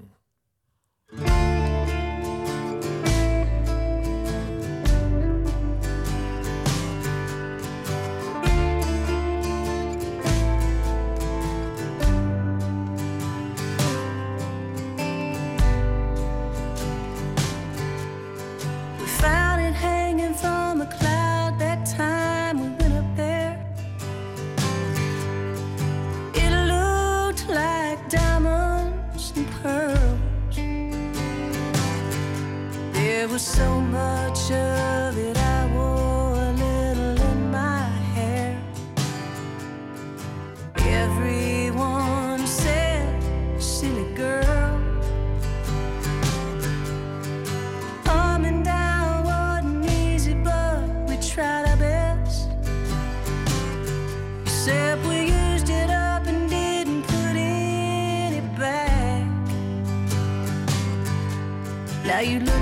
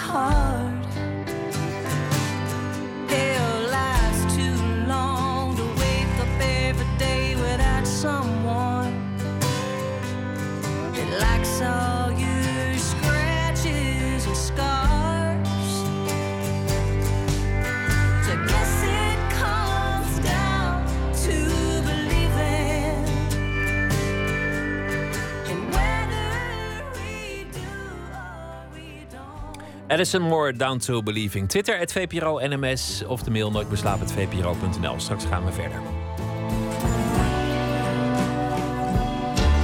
Op Radio 1, het nieuws van alle kanten.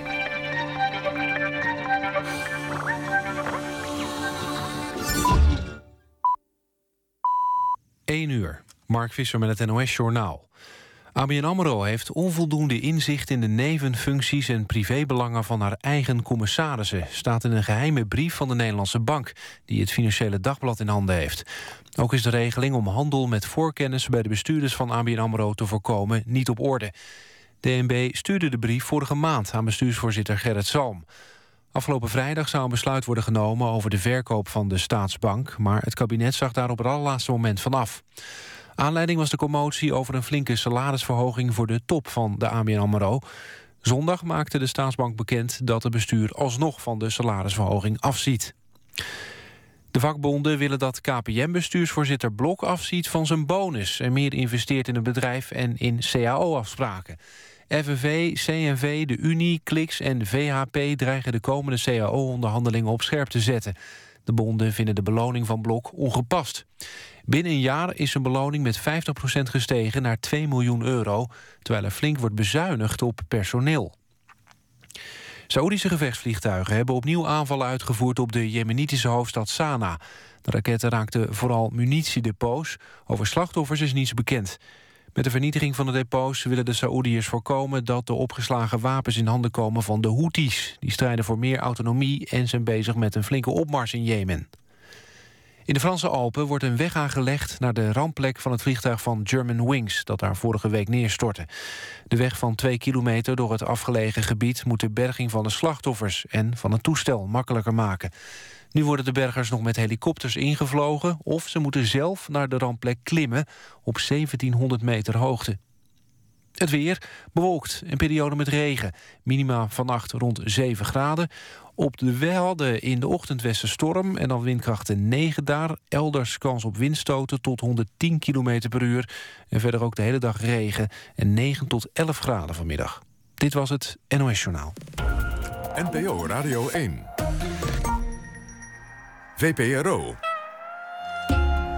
Nooit meer slapen.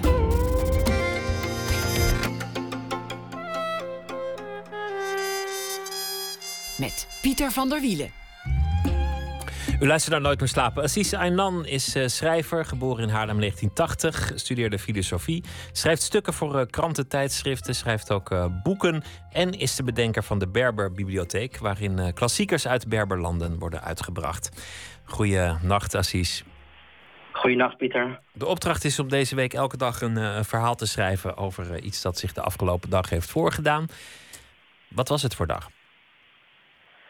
Uh, ik heb een hele relaxte dag gehad. Mooi. Ik, uh, ja, op maandag werk ik eigenlijk altijd thuis. Dus het is uh, mijn uh, schrijfdag. En, maar ik heb eigenlijk ben toch stiekem nog even naar school gegaan... omdat ik een klas had die ehm, graag een bijles wilde hebben. Want het is tentamenweek voor mijn studenten. Dus ik heb bijles gegeven vandaag. En um, in de wereld, wat voor dag was het in, in het nieuws? Is, zal er iets beklijven dat, uh, dat bovenaan Ah. zou staan? Ik heb eigenlijk helemaal geen nieuws gevolgd, joh. Oh ja, ik wel, maar ik, het, het is, het is me eigenlijk allemaal weer eh, ontgaan. Ja, is, eh, is het allemaal weg? Ja. Wat, ehm, wat is de inspiratie geworden voor het verhaal? Ehm, ja, iets wat eh, jij ongetwijfeld ook kent. En dan, eh, ja, het, het heet eh, masturberen. Oh ja, nee, dat, nee ja, ja dat, eh, Daar ben je wel bekend mee, toch? daar ben ik, ben ik zeker bekend mee. Ja, wie niet, toch? Ja, daar heb ik mij mee door laten inspireren, eerlijk gezegd. Goed, ik ben benieuwd wat het heeft opgeleverd.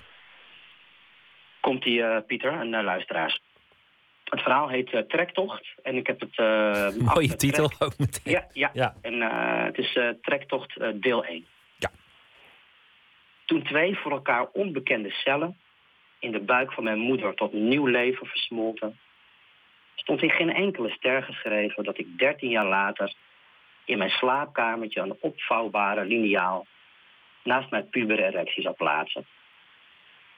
In de brugklas fluisterde een klasgenoot tijdens biologie trots over zijn nieuwe bezigheid. Sjorren, zo noemde hij dat.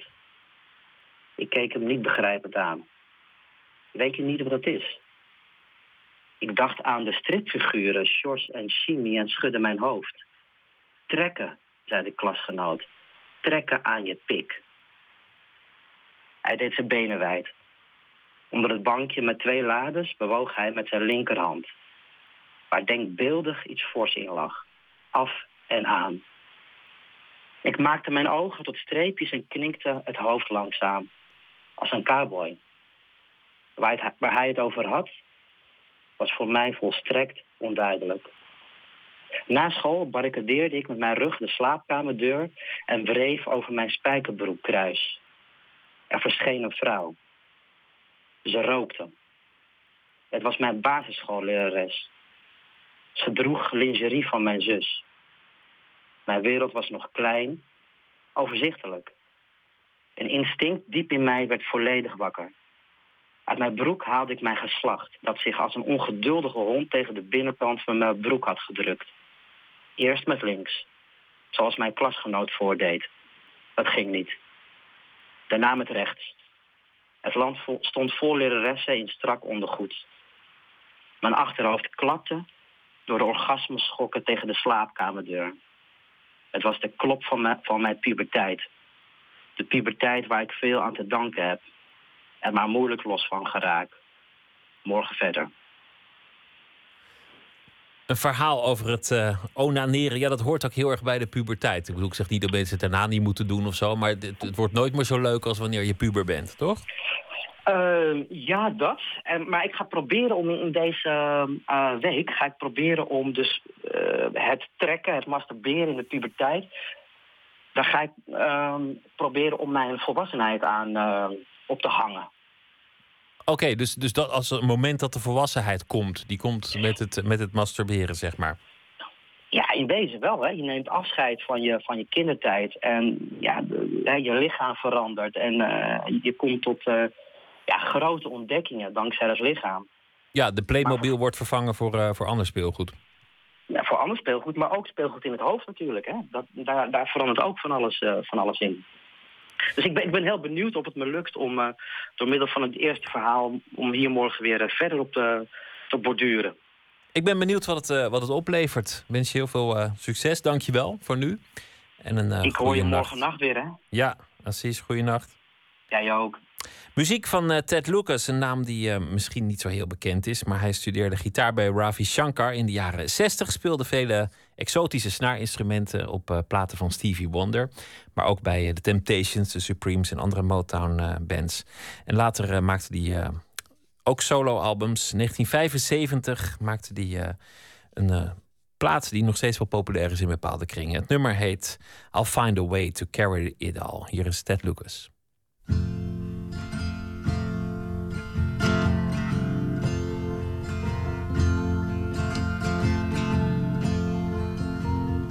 Night seems to fall.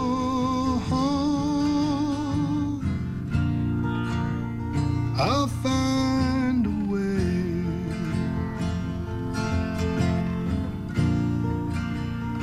I'll find a way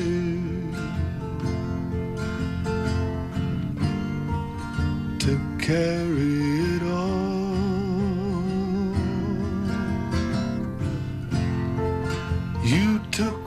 for a ride.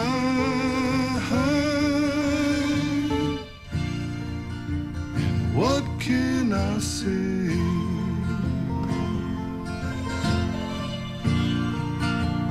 I'll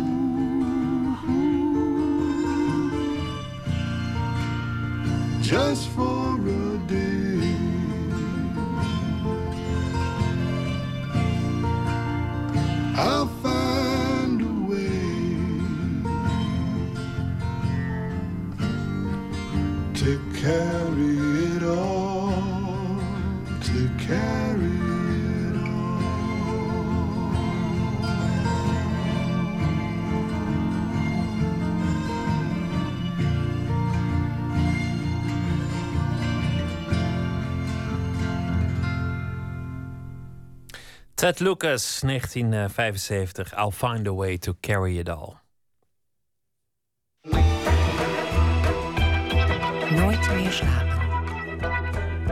Je moet eh, de moed maar hebben om anderen te laten bepalen hoe jouw leven er van dag tot dag uitziet. Dat is het eh, project van eh, Simone Engelen. Ronald Giphart, Barry Asma en vele anderen bepalen hoe haar leven vergaat. De jonge fotografe bedacht het project The Scripted Life, waarvoor ze een aantal mensen vroeg 24 uur van haar leven in te vullen. Op die dag mag de scriptschrijver dan bepalen wie zij is, hoe ze zich gedraagt en wat ze doet. Zo liep ze al mee met de Hare Krishna's. Ze moest iemand oppikken in een homobar en daarbij vergeleken was afgelopen zaterdag een makkie. Ze moest namelijk rozen verkopen in Rotterdam. Floortje Smit mocht mee.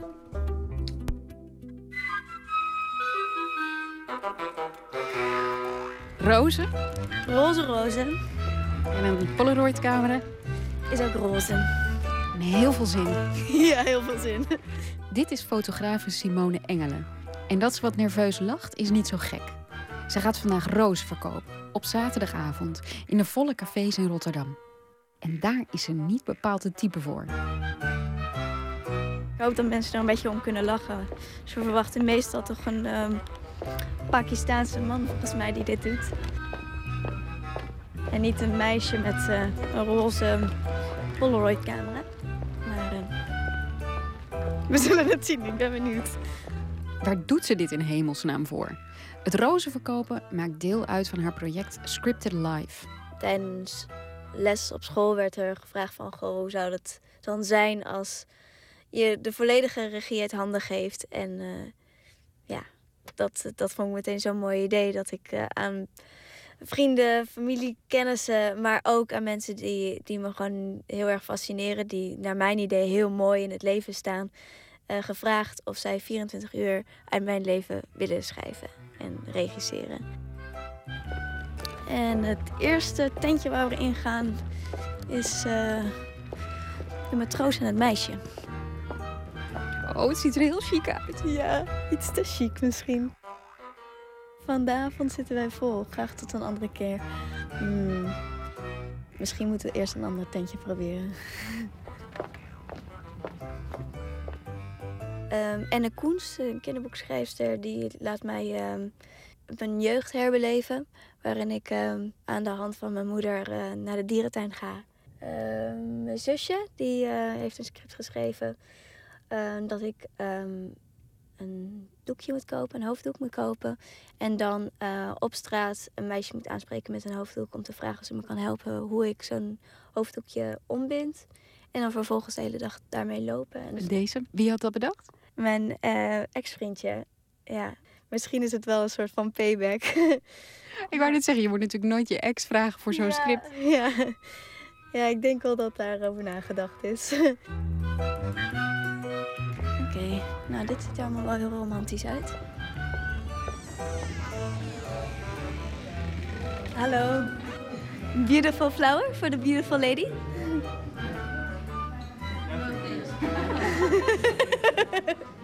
Oké, dat is geen succes. Die werkt niet. Die werkt niet. Ehm, mag ik hier een roos verkopen? Een roos verkopen? Nee, dat Dat mag niet. Oké, goed. Dankjewel.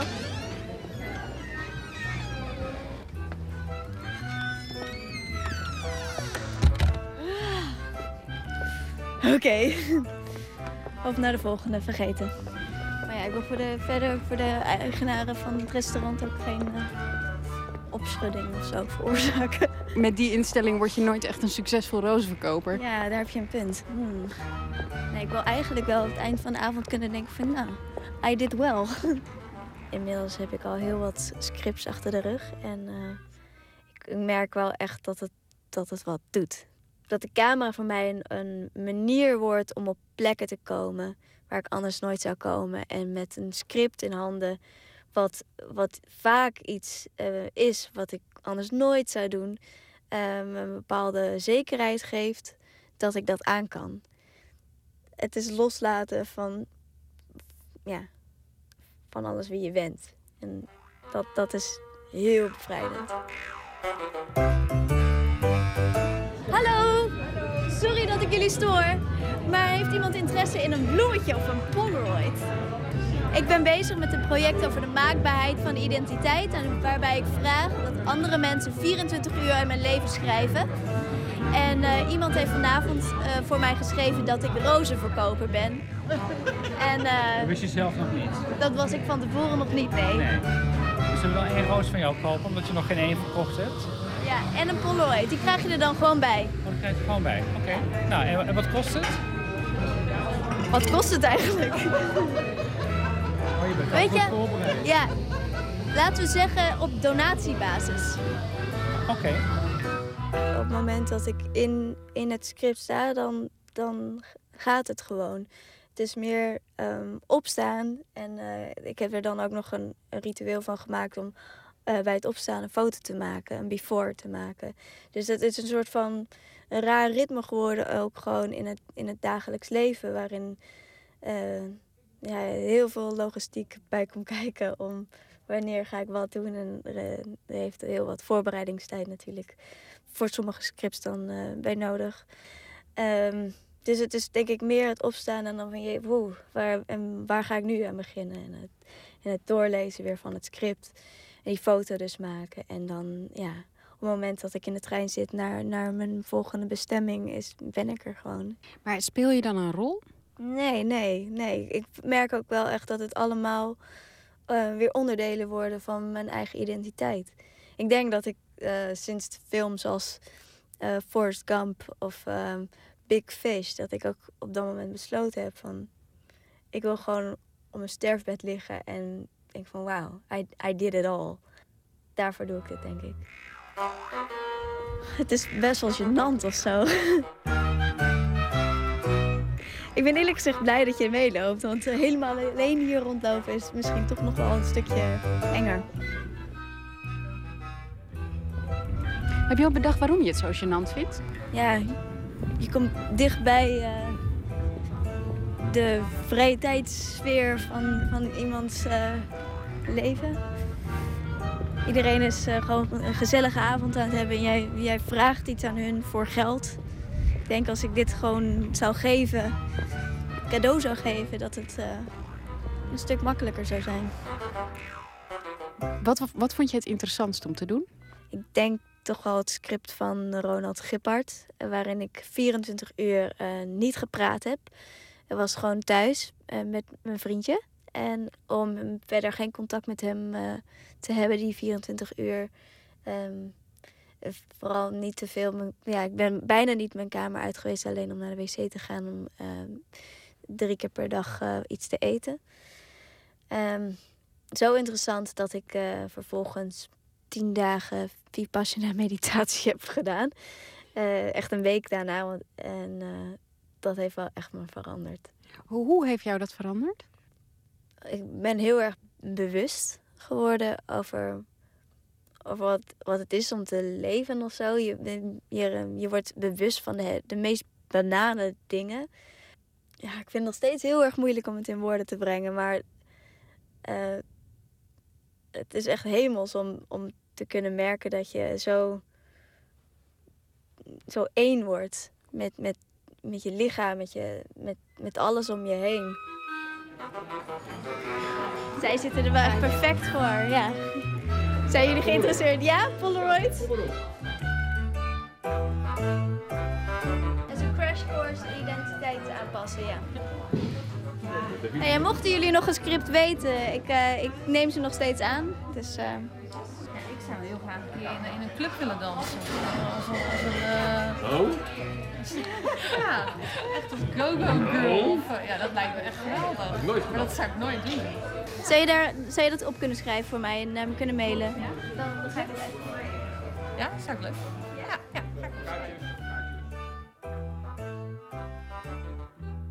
ik, ik zeg, ik weet dat ik ver ga in mijn projecten, maar het, het voel, voelt gewoon goed om, om echt, echt na te leven. Je had dit, eh, dit plan bedacht en dan, kreeg je de eerste scripts binnen. Was er eentje waar je echt van dacht, oh nee. Eh, ja. Ehm, ik ga, ehm, en dat weten mijn ouders ook nog niet, ehm, volgende week het script doen van mijn vriendje. Waarin hij weet hoe, hoeveel ik me hecht aan, aan mijn haar. En ik ga een deel van mijn haar wegscheren. en daar een tatoeage laten zetten. Van het woord wat ehm, eh, ook tijdens de Vipassana trouwens heel erg terugkwam. eh, namelijk eh, anicca. Betekent eh, in het, eh, in Sanskriet eh, tijdelijk. En ehm, dat is eigenlijk ook denk ik wel het, misschien wat kernwoord van het hele project. Omdat het maar telkens maar tijdelijke 24 uurs projecten zijn. En eh, dat gegeven is ook wel waarom ik, waarom ik het gevoel heb dat ik alles kan doen. Omdat het is tijdelijk. Volgende dag is weer een andere dag. Dan ben ik misschien weer iemand anders. Ja, behalve die tatoeage. Je bent Behalve gek. die tatoeage inderdaad. En dat is zo, vind ik dan weer zo'n mooie paradox eraan. Want dat is wel iets wat blijft. Maar wel op een plek waar mijn haar uiteindelijk weer overheen groeit. Dus het is een, van tijdelijke aard op die manier. En ik vind het wel mooi om een kopie-kopie te houden van... Ja, alles wat je meemaakt is tijdelijk. Ook de mooie dingen. Maar alles is vergankelijk. En ik denk als je dat blijft beseffen, dat je ja, minder verdriet zult voelen. Zo, half elf. Het zit erop. Het zit erop. Ja, nou, ging goed volgens mij, hè? Ja, hele leuke gesprekken gehad en er is nog een script uitgekomen. Ik ga waarschijnlijk dus nog eh, een go-go-danser eh, zijn ergens, dus helemaal blij. Ja. Mooi zo, nu naar bed. Ja, ja, ik ben wel op. Ja, het vergt wel wat. En morgen weer zo'n gekke dag. Morgen weer een gekke dag, ja.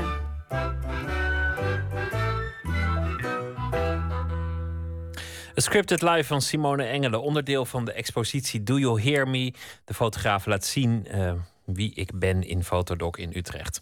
Ze maakt eh, foto's en verslagen van haar avonturen en ook die kun je allemaal vinden op haar blog en via Facebook. Laura Marling is een eh, Britse zangeres. Eh, ze komt uit de Londense folkscene. Had een paar jaar geleden een album dat zeer, zeer succesvol was en goed werd ontvangen. En we gaan nu luisteren naar een stuk van haar vijfde album. En daarvan is dit nummer I Feel Your Love.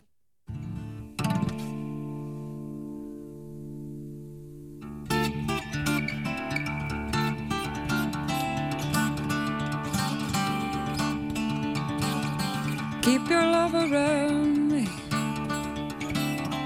Keep your love around me so I can never know what's going on. What's going on? Keep your love around me. Keep your love around me so I can't be alone. An electric fence, a silent defense till you are.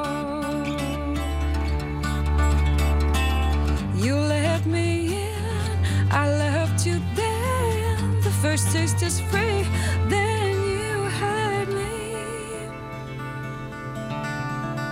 I feel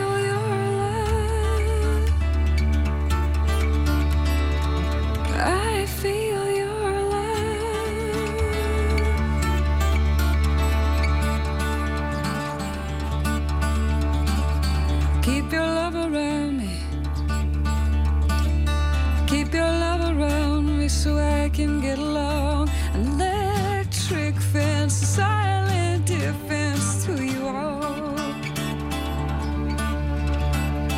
Let the river answer.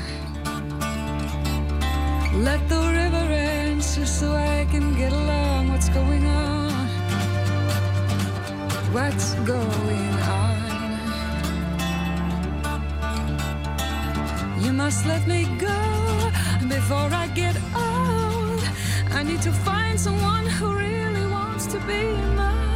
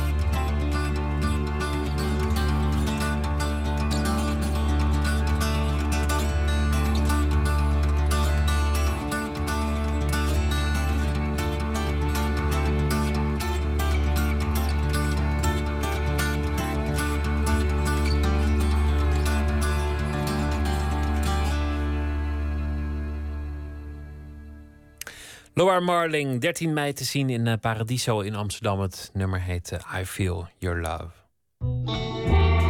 Nooit meer slapen.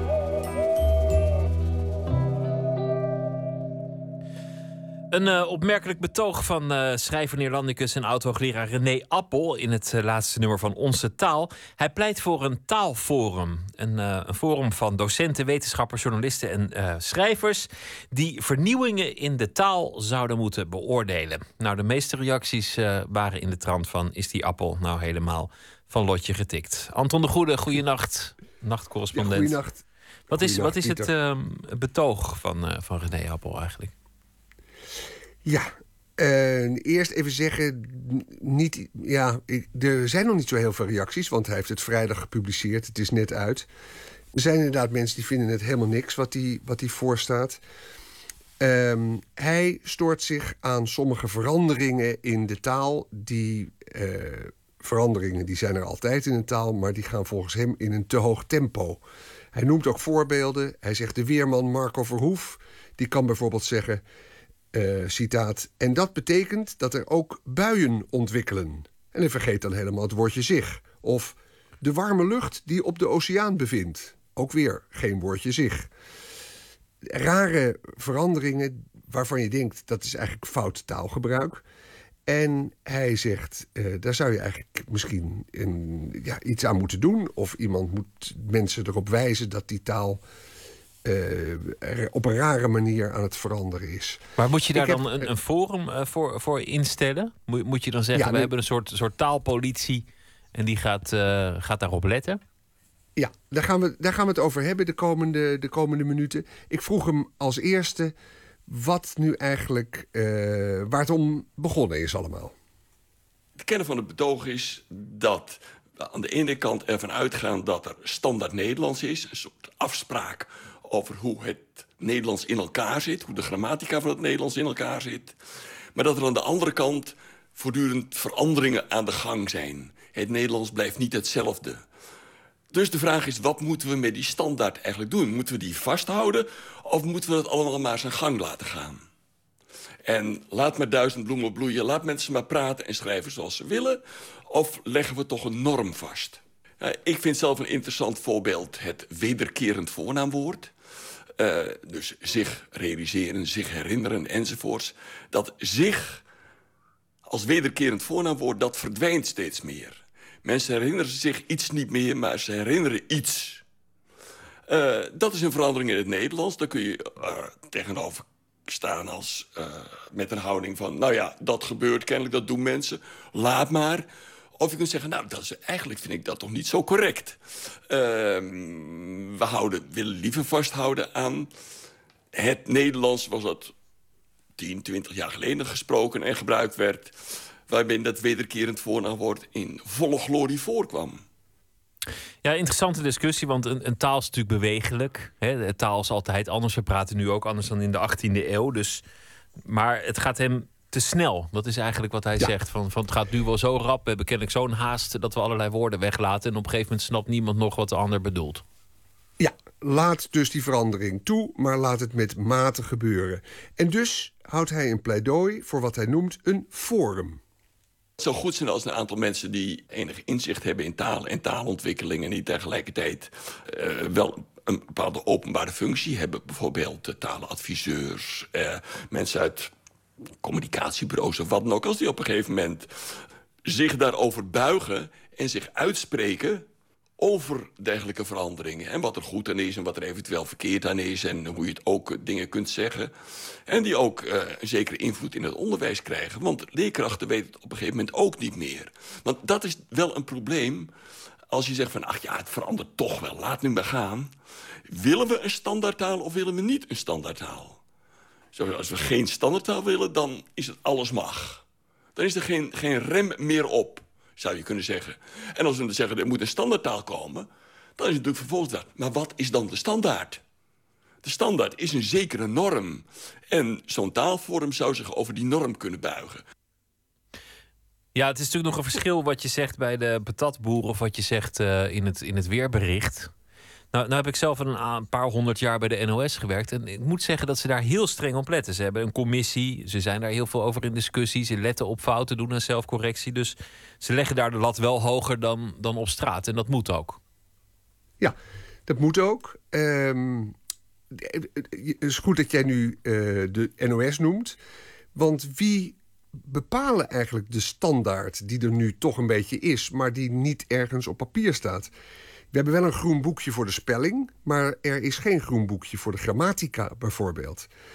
Um, dus die standaardtaal die we een beetje hebben, die wordt gemaakt door mensen in de media. Die leggen eigenlijk door hun eigen gebruik die standaard vast. Appels pleidooi klinkt redelijk, althans ik dacht ja, nou er zit iets in. Maar het was niet moeilijk om een collega taalwetenschapper te spreken die het totaal met hem oneens is. Mark van Oostendorp, verbonden aan het Mertens Instituut, ziet totaal niets in het voorstel van een uh, op te richten forum. Vanavond aan de telefoon zei hij het volgende over het stuk van Appel. René Appel die doet een, je zou kunnen zeggen, een beleidsvoorstel. En als je dat doet, dan bij ieder van zo'n soort voorstel moet je altijd twee dingen beargumenteren. Namelijk, zoals het nu gaat is het slecht, in de eerste plaats. En in de tweede plaats, wat ik voorstel, dat gaat verbetering erin aanbrengen. En het gek is, allebei die dingen, die laat je eigenlijk niet zien. Dus uh, ja, zoals het nu gaat is het slecht. Ja, is dat zo? Me, dus mensen klagen, René Appel klaagt, heel veel mensen klagen. Maar het probleem is, oude mensen klagen altijd. Ik begin, word ook inmiddels van die leeftijd dat ik ook begin te klagen. Maar ja, ik weet het. Dus ik weet dat er 2000 jaar geleden ook al werd geklaagd.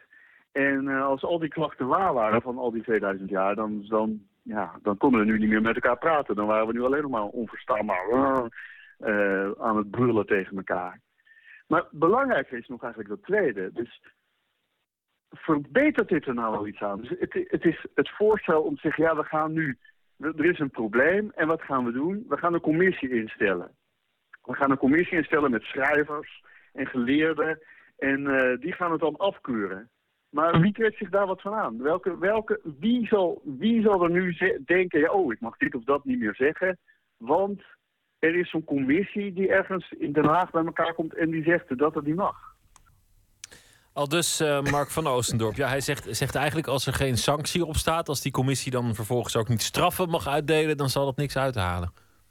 Nee, maar daar zei ik trouwens eh, René Appel weer op. Van nou ja, er is ook een commissie die een nieuwe spelling bedacht eh, heeft. En die heeft wel gezag gekregen. En het ministerie van Onderwijs zou het ter harte kunnen nemen. En die zou hier iets moois mee kunnen verzinnen. Ehm, en ja, je hoeft toch niet eh, alles maar zijn gang te laten gaan in die veranderingen van die taal. Het opmerkelijke is, daar kwam ik vanmiddag eigenlijk pas achter door met René Appel te praten. René Appel was ooit de man achter de studie sociolinguïstiek. En schreef hij ook een boekje over voor studenten. Sociolinguïstiek, de tak van wetenschap die het verband tussen de taal en een sociale groep eh, bestudeert. En vanmiddag maakte hij me duidelijk uit welke overtuiging en uit welke richting dat voortkwam. Ook dat verdedigen van het veranderen van een taal. Luister. Dat vakgebied sociolinguïstiek dat kwam op in de jaren 70. En dat was eigenlijk nauw verbonden met, je zou kunnen zeggen, de emancipatiebeweging in de jaren 70. En daarin speelde onder andere de opvatting een rol dat de standaardtaal de taal van de heersende klasse was. De heersende taal was de taal van de heersende klasse. De en die standaardtaal die werkte onderdrukkend en, en, en eh, discriminerend ten opzichte van andere sociale groepen. Arbeiders, dialectsprekers enzovoorts. En daar moest tegen gestreden worden. Nou, je strijdt daar dus tegen als je die standaardtaal ter discussie stelt. De waarde daarvan probeert te ondergraven en, en de waarde van andere vormen van taalgebruik juist naar boven probeert te halen.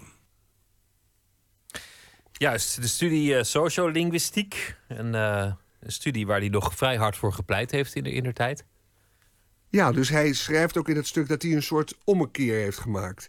Eh, vroeger eh, had hij echt het idee, zo, die taal die moet zoveel mogelijk veranderen.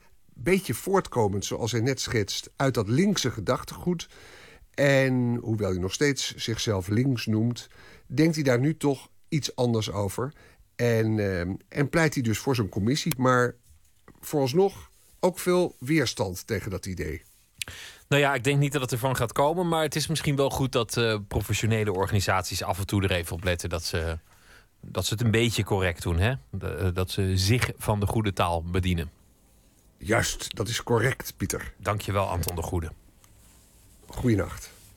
James Bay werd eh, ooit gezien als een van de ontdekkingen van eh, 2015. Nou ja, dat is niet zo heel lang geleden dus. En eh, zijn debuutalbum, dat eh, nou ja, is eigenlijk een mooi album geworden. We gaan luisteren naar het nummer Move Together. Hier is James Bay.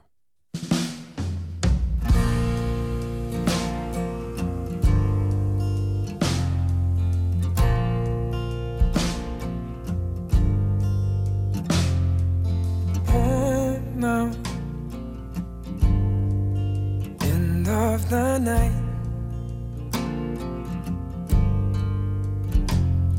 And it's colder. Let's turn on your side.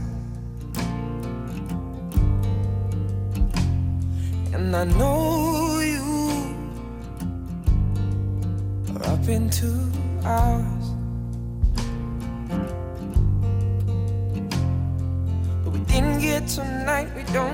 some more.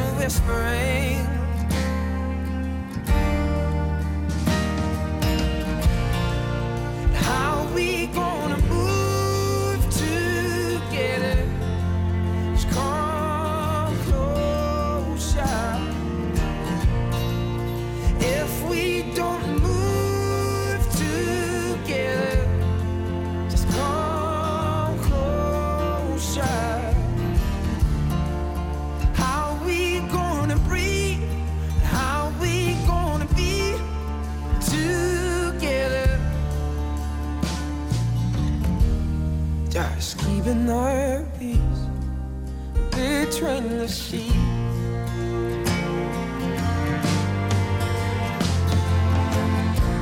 So maybe don't give me a cold shoulder before you go. Turn around, let me hold you, and let me say in the dark of the morning,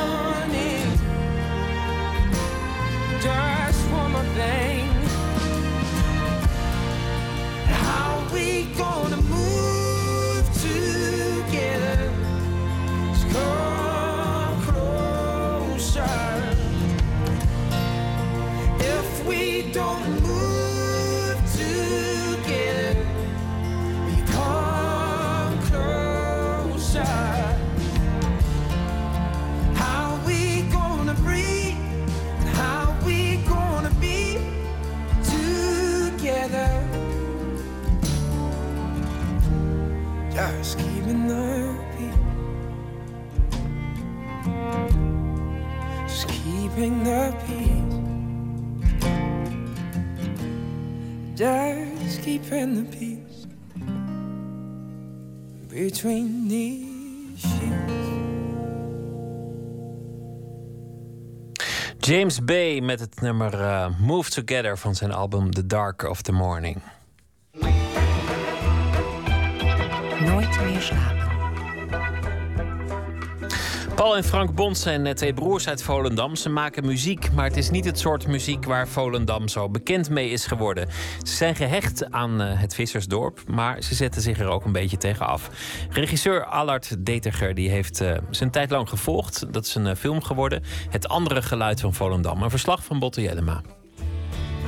De palingpop bestaat 50 jaar. In Volendam wordt er meer coke en ecstasy gebruikt dan in Londen, Parijs of Milaan. En 50 jaar na de Cats is Volendam nog steeds een wieg voor ontzettend veel succesvolle muzikanten. Waarschijnlijk is dit de minst geïslamiseerde stad van Nederland. Maar toch stemt één op de twee Volendammers op de PVV. Een klein vissersdorp aan het IJsselmeer. Op zo, de microfoon niet Niet meteen een klap op die microfoon te geven, zeg. Wat krijgen we er nou? Het is een klein dorp. Mag u er toch gewoon een vraag over stellen? Schop voor je ballen hebben. Nee, maar dat jullie elkaar gewoon allemaal kennen hier aan tafel, hè? Met de groet uit Volendam maar weer, hè? Het is één grote familie. Eh Dandelion. Volendam. Ja.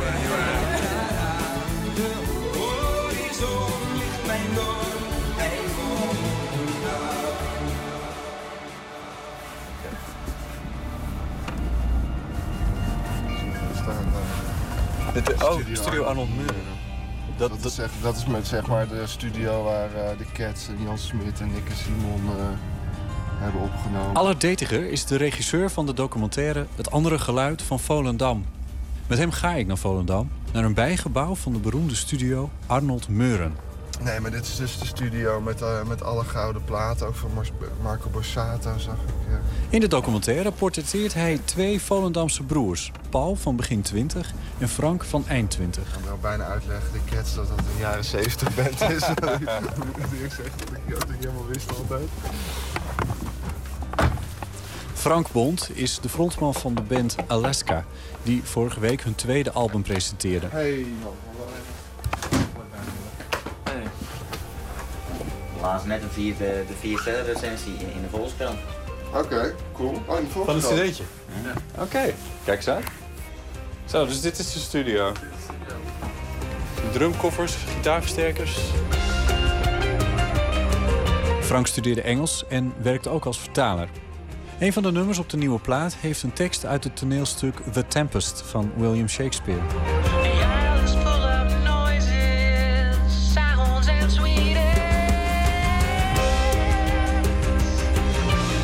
Alaska is een Volendamse band. Hun plaat is opgenomen in de oude studio van de Cats. Gemixt in de studio van Arnold Meurer, de thuisbasis van de drie J's, Jan Smit en Nick en Simon. Maar Alaska heeft een ander geluid. Ja, ik weet nog dat dat, dat eerste keer dat hij, dat hij langskwam, dat we daar ook echt wel zoiets hadden van. Want we hebben al vaker gehad dat mensen erover wilden hebben en zo. En dat eindigde meestal, eh, liep dat verkeerd af of zo. Er bestaat gewoon best wel een duidelijk zwart-wit beeld van Volendam. Ja. Dat is een heel erg interessante paradox, is dat uh, Volendammers worden van allerlei dingen beticht. Eh, dat ze wilde stemmers zijn, dat er veel drugsgebruik is, dat ze dommig zijn of dat ze bepaalde uh, dingen hebben, zeg maar. nou, bepaalde dingen zijn daarvan, daarvan zijn absoluut waar. Je, die hoef je ook niet te ontkennen. Maar dat is natuurlijk niet het enige beeld dat er is. Er is natuurlijk nog veel meer binnen dat hele spectrum. En, en zeg maar, de kortzichtigheid van de Volendammers worden beticht. Dat is de kortzichtigheid die ik zie bij mensen die dat zwart beeld voor zich houden en ook willen houden. Ja. En dat, dat is zeg maar heel erg interessant aan de ene kant, maar ook heel pijnlijk, omdat uh, omdat het natuurlijk niet allemaal zo, zo simpel ligt als dat het wordt gezien. En, en, en hoe vaak moet je hier tegen vechten? Uh, elke dag als ik wakker word.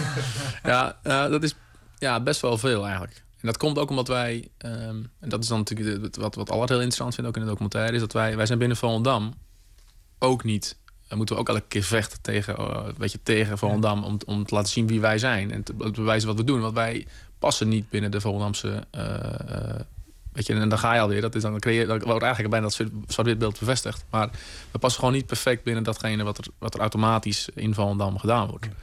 En wat ik interessant vond ook aan het verhaal van Frank... is dat zij inderdaad... Uh, nou, alleen al qua uiterlijk en hoe ze kleden en de muzieksmaak... en ook qua intellect, en, uh, denk ik. Maar goed, dat, is, dat kan ik ja. niet controleren. Maar in, nee, in, ieder geval van buitenaf uh, zijn ze echt een klein sientje. En een kleine club die er gewoon anders uitziet... en andere muziek luistert. En die op een bepaalde manier... nou, een soort van bestaansrecht ook in Volendam opbouwen. Waarbij Frank heel hard ook zijn best doet met singer-songwriter-avonden... met het eigen label, met een eigen radioprogramma... om mensen ja, andere muziek te laten luisteren. Niet alleen hun eigen muziek die ze willen laten luisteren... maar gewoon andere muziek dan in de... Ja, top 40 bestaat niet meer, denk ik. Maar de top 100. Of, maar, uh, maar, maar... En het, de, de crux of het ja, wat, wat ik dan ook wel weer herken... en wat, ja, wat, wat, wat deels misschien ook pijnlijk is... is dat je je dus in Volendam eigenlijk zo... Uh, jezelf eigenlijk anders bent dan de mensen daar. Maar als je dan, zodra je Volendam uitkomt... elke recensie eigenlijk is van... oh, maar dat is dat Volendamse bandje. Ja. Iedereen op vaste leeftijd wil weg hier. Dat, dat, dat is dan gewoon een, iets wat je hebt op dat moment.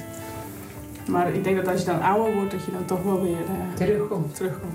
Ja, is ook zo.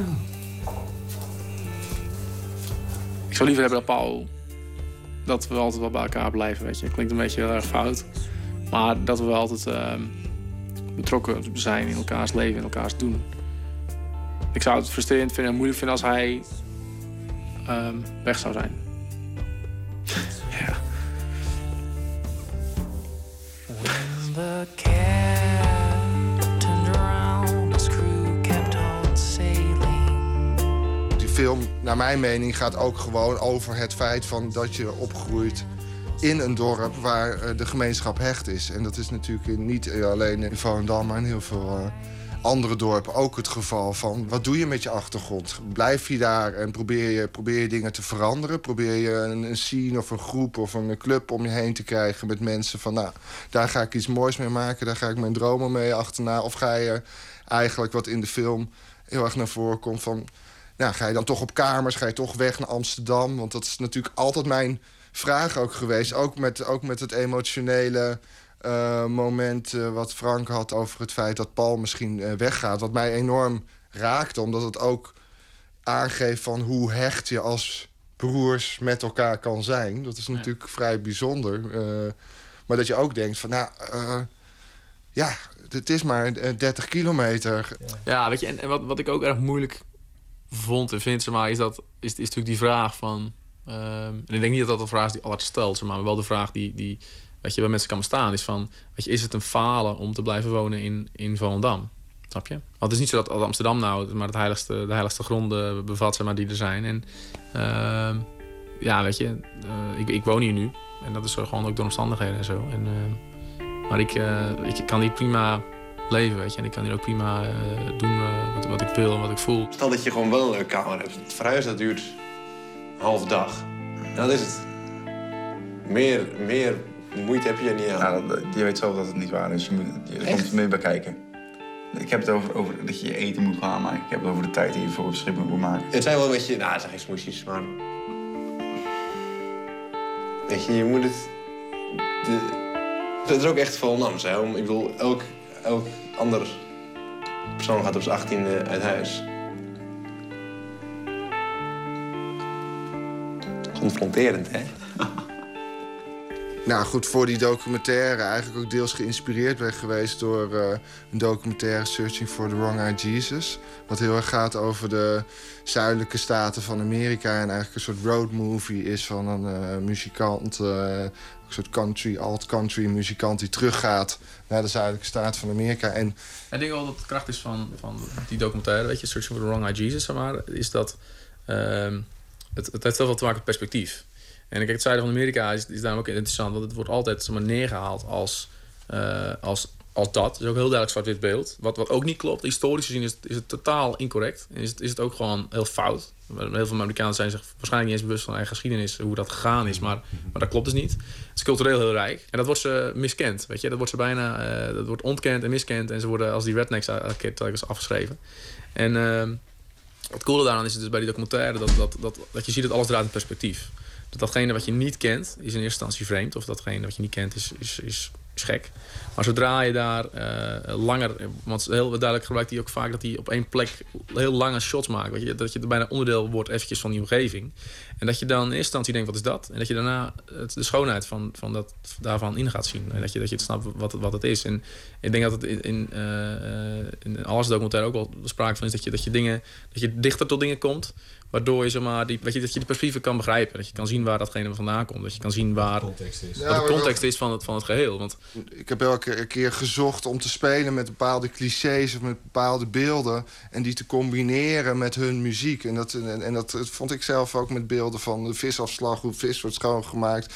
Juist weer heel erg met een, met een, ja, een, mooi singer-songwriter liedje. Waardoor het eigenlijk ook eh, een bepaalde schoonheid krijgt of zo. Eh, terwijl je, zou alleen de oppervlakkigheid ervan kunnen zien, maar ik vind in die, in die oppervlakkigheid ook wel een bepaalde schoonheid zit. Of geval zo heb ik het geprobeerd om het eh, weer te geven. Ja, dat vond ik ook bij die, intro heel cool. Want ik weet nog dat, dat, dat Ruud, onze manager dan, die, die, eh, die, die praat nu nog steeds over hoe die, hoe die vissen gefilmd werden, zeg maar, daar helemaal begin. Eh, dat is allemaal gedaan. En dan inderdaad, die muziek zorgt wel voor een, inderdaad voor bijna een verrassingselement. Want dat is niet wat je automatisch bij, wat je voelt bij, daarbij, weet je. En dat, ehm, ja, dat is interessant, dat is cool.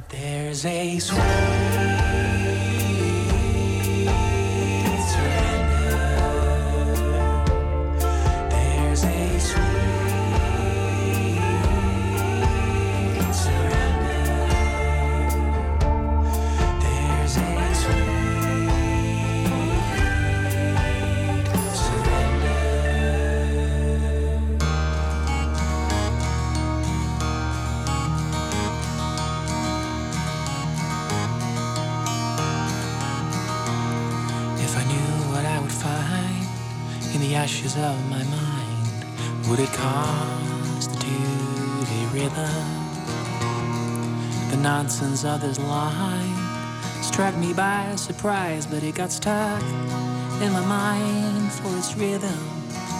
And now it's part of a fair and steady rhythm. In the years the rhythms grew like a fever lines came to increase my game of meaning. What message spoke to me in tones of blasphemy? Are you looking for? I to give my answer. Is it gold? Does it ring true? When I sing these words to you, how does it feel? Does it feel alright? Or does it keep you awake at night that you don't know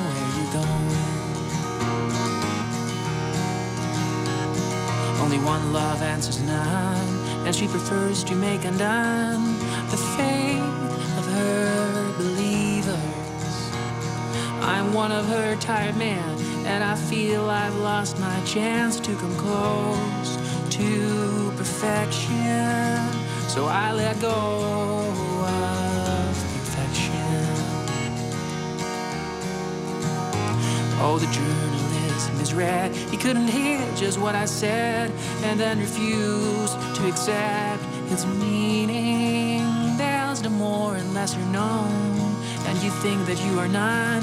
Well, play the game, but just surrender. I close my eyes and I surrender. Is it gold?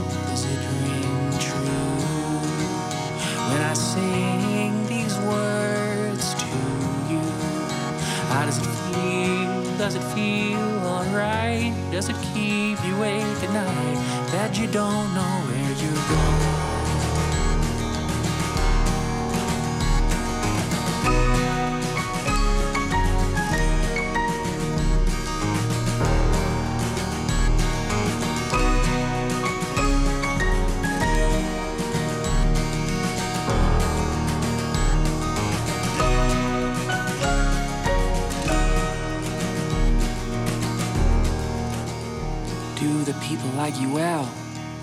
Do they clap to what you sell? Does it make you any money? On a storm disturbed the night when the unknown singer died. He was a man like any other, or just a man like any other. Does it hold?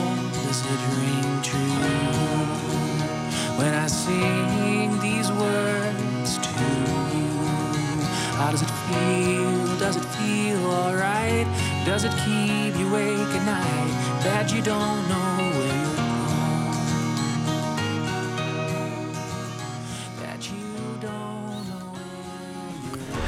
Alaska was dat met het eh, nummer eh, Rhythm. En daarvoor hoorde u regisseur Allard Detiger over zijn film Het Andere Geluid van Volendam. En muzikant Frank Bond van de band Alaska. Woensdag gaat de film in première. Allereerst in het eh, Ketelhuis in Amsterdam. En daarnaast die te zien op verschillende plekken in het land. En Alaska gaat de komende maand ook toeren in Noord-Holland. 2 mei komt de film op televisie bij BNN. Dichter Lieke Marsman die leest deze week eh, vijf favoriete gedichten voor. Ze debuteerde zelf in 2010 met de veelgeprezen bundel Wat ik mijzelf graag voorhoud. Daarvoor kreeg ze ook de Buddingprijs. Een jaar geleden verscheen haar tweede bundel. De eerste letter over eh, angstaanvallen ging het onder meer. Vannacht kiest ze een gedicht van de Amerikaan Mark Strand. Overal kan ergens zijn.